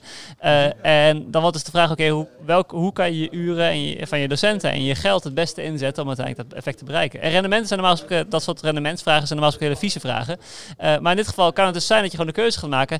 Ja, eh, toetsing vinden we eh, belangrijk, maar toetsen kost relatief veel tijd. Mhm. Is het die tijd waard? Kunnen we, toetsen niet ergens, kunnen we de tijd niet ergens anders insteken? En hetzelfde als een stu- deze student is, ehm, is heel goed en moeten we, eh laten we zeggen, alleen een coachend begeleiden en daarmee kan die het halen. Het kost relatief misschien zelfs bij sommige studenten minder tijd. En die student eh, stoppen we meer. Dat is, dat, die, die, ten- die tijd rendeert daar uiteindelijk harder. En hetzelfde ook met die hele, eh, en dat vind ik echt een super moeilijk topic, waar we het eerder over hadden, dat- die breuk tussen objectief en subjectief. Dat hele toetssysteem en al die cijfers zo hebben we opgezet om dingen objectief te maken, waarmee we in zekere zin een soort van draak hebben ge- georganiseerd die gewoon superveel tijd kost. Ja. Eh, terwijl in dat subjectieve, in het interpersoonlijke, heel veel van de magie gebeurt en heel veel, heel veel leren gebeurt. Ehm, en dat misschien uiteindelijk harder rendeert qua tijd dan het hele objectieve platte systeem wat we opzetten. Eh, en ik, het is een nare vraag, dat soort rendementsvraagstukken. maar ik denk uiteindelijk, ja, daar gaat het uiteindelijk wel om. Hoe zetten we onze tijd in? En dan moeten we nadenken over wat uiteindelijk het effectiefste is om de studenten te laten leren en zichzelf te laten improven, in plaats van nadruk te leggen op proeven. Ik vind het eigenlijk wel interessant dat je eh, het- het argument gaat, eh, gaat vaak over eh, juist eh, dat die toetsingscultuur is efficiënt. Dat we mensen daardoor een systeem geleiden, dat het een soort fabriek wordt. Maar jij zegt, dit is eigenlijk absoluut het omgekeerde. Eh, wat we hier doen is juist heel veel tijd verkwisten met een soort toetsingscultuur. terwijl dat niet de einddoelen behartigt. eh, en dat het ook nog eens een keer meer tijd kost dan, dan wat alternatieven zouden kunnen doen. Heb ik dat Nou ja, mogelijk wel. Je moet in ieder geval over het vraagstuk nadenken, welke, hoe de tijd uiteindelijk het meest rendeert. En het nadeel van een, van een toetscultuur, is net zoiets als dingen verplichten op een universiteit eh, qua aanwezigheid. En, eh, ehm, die verplichting maakt jou als docent veelal lui om het op andere manieren leuk en interessant te maken, want je hoeft niet meer. Mhm. En hetzelfde met toetsen. De hele toetscircus wat we op, opzetten kost heel veel tijd, levert heel veel stress op. Uh, is voor zowel docent als student helemaal niet leuk. Kost daardoor ook veel energie, wat een andere... Uh, Gaat motivatie weg inderdaad. Ja, precies. Ja, maar dat is ook, dat is, dat is ook, ook een, een bron die je maar één keer kan investeren. En die wil graag zo warm mogelijk houden. En uiteindelijk waar we naartoe moeten is natuurlijk dat mensen zelf leren vissen. En zelf zich in beweging leren brengen. En daar gaat het uiteindelijk om. En toetsen en daar heel hard op slaan en daardoor een onveilige situatie creëren, voor een veilige leren en, onderwijsomgeving, uh, heeft waarschijnlijk het averechtse effect dat je een deel van die motivatie doodslaat en daardoor uiteindelijk harder aan ze moet trekken om ze aan de gang te houden. En het ongemotiveerd zijn van studenten is ook een van de grootste stressoren van docenten. Uh, dus uiteindelijk in het totale plaatje is dat waarschijnlijk duurder. Exact. Dus het hele systeem, uh, er zitten wat zieke elementen in die, die ook opstapelen uh, ja. door dat ene aspect van die uh, toetsingscultuur. Ja, in ieder geval, ja, dat is een belangrijk onderdeel. Interessant. Dat is een goed punt dat je daartoe voert. Dus we moeten eigenlijk ook misschien wel juist vanuit dat rendement denken. ja, nee, en, ja. en, en, kijken van, past toetsing daar eigenlijk nog wel in? Ja, en dus inderdaad de vraag, want dan, dan kom je automatisch ook op je doelvraag. Dan is het namelijk ook rendement voor wat? En dan is het rendement om zoveel mogelijk te leren. Ja, dat ja, heel, heel erg bedankt dat je, dat je nog even dat, uh, dat mijn, mijn, mijn kleine bijdrage nog. Absoluut. Ja, cool. Dankjewel.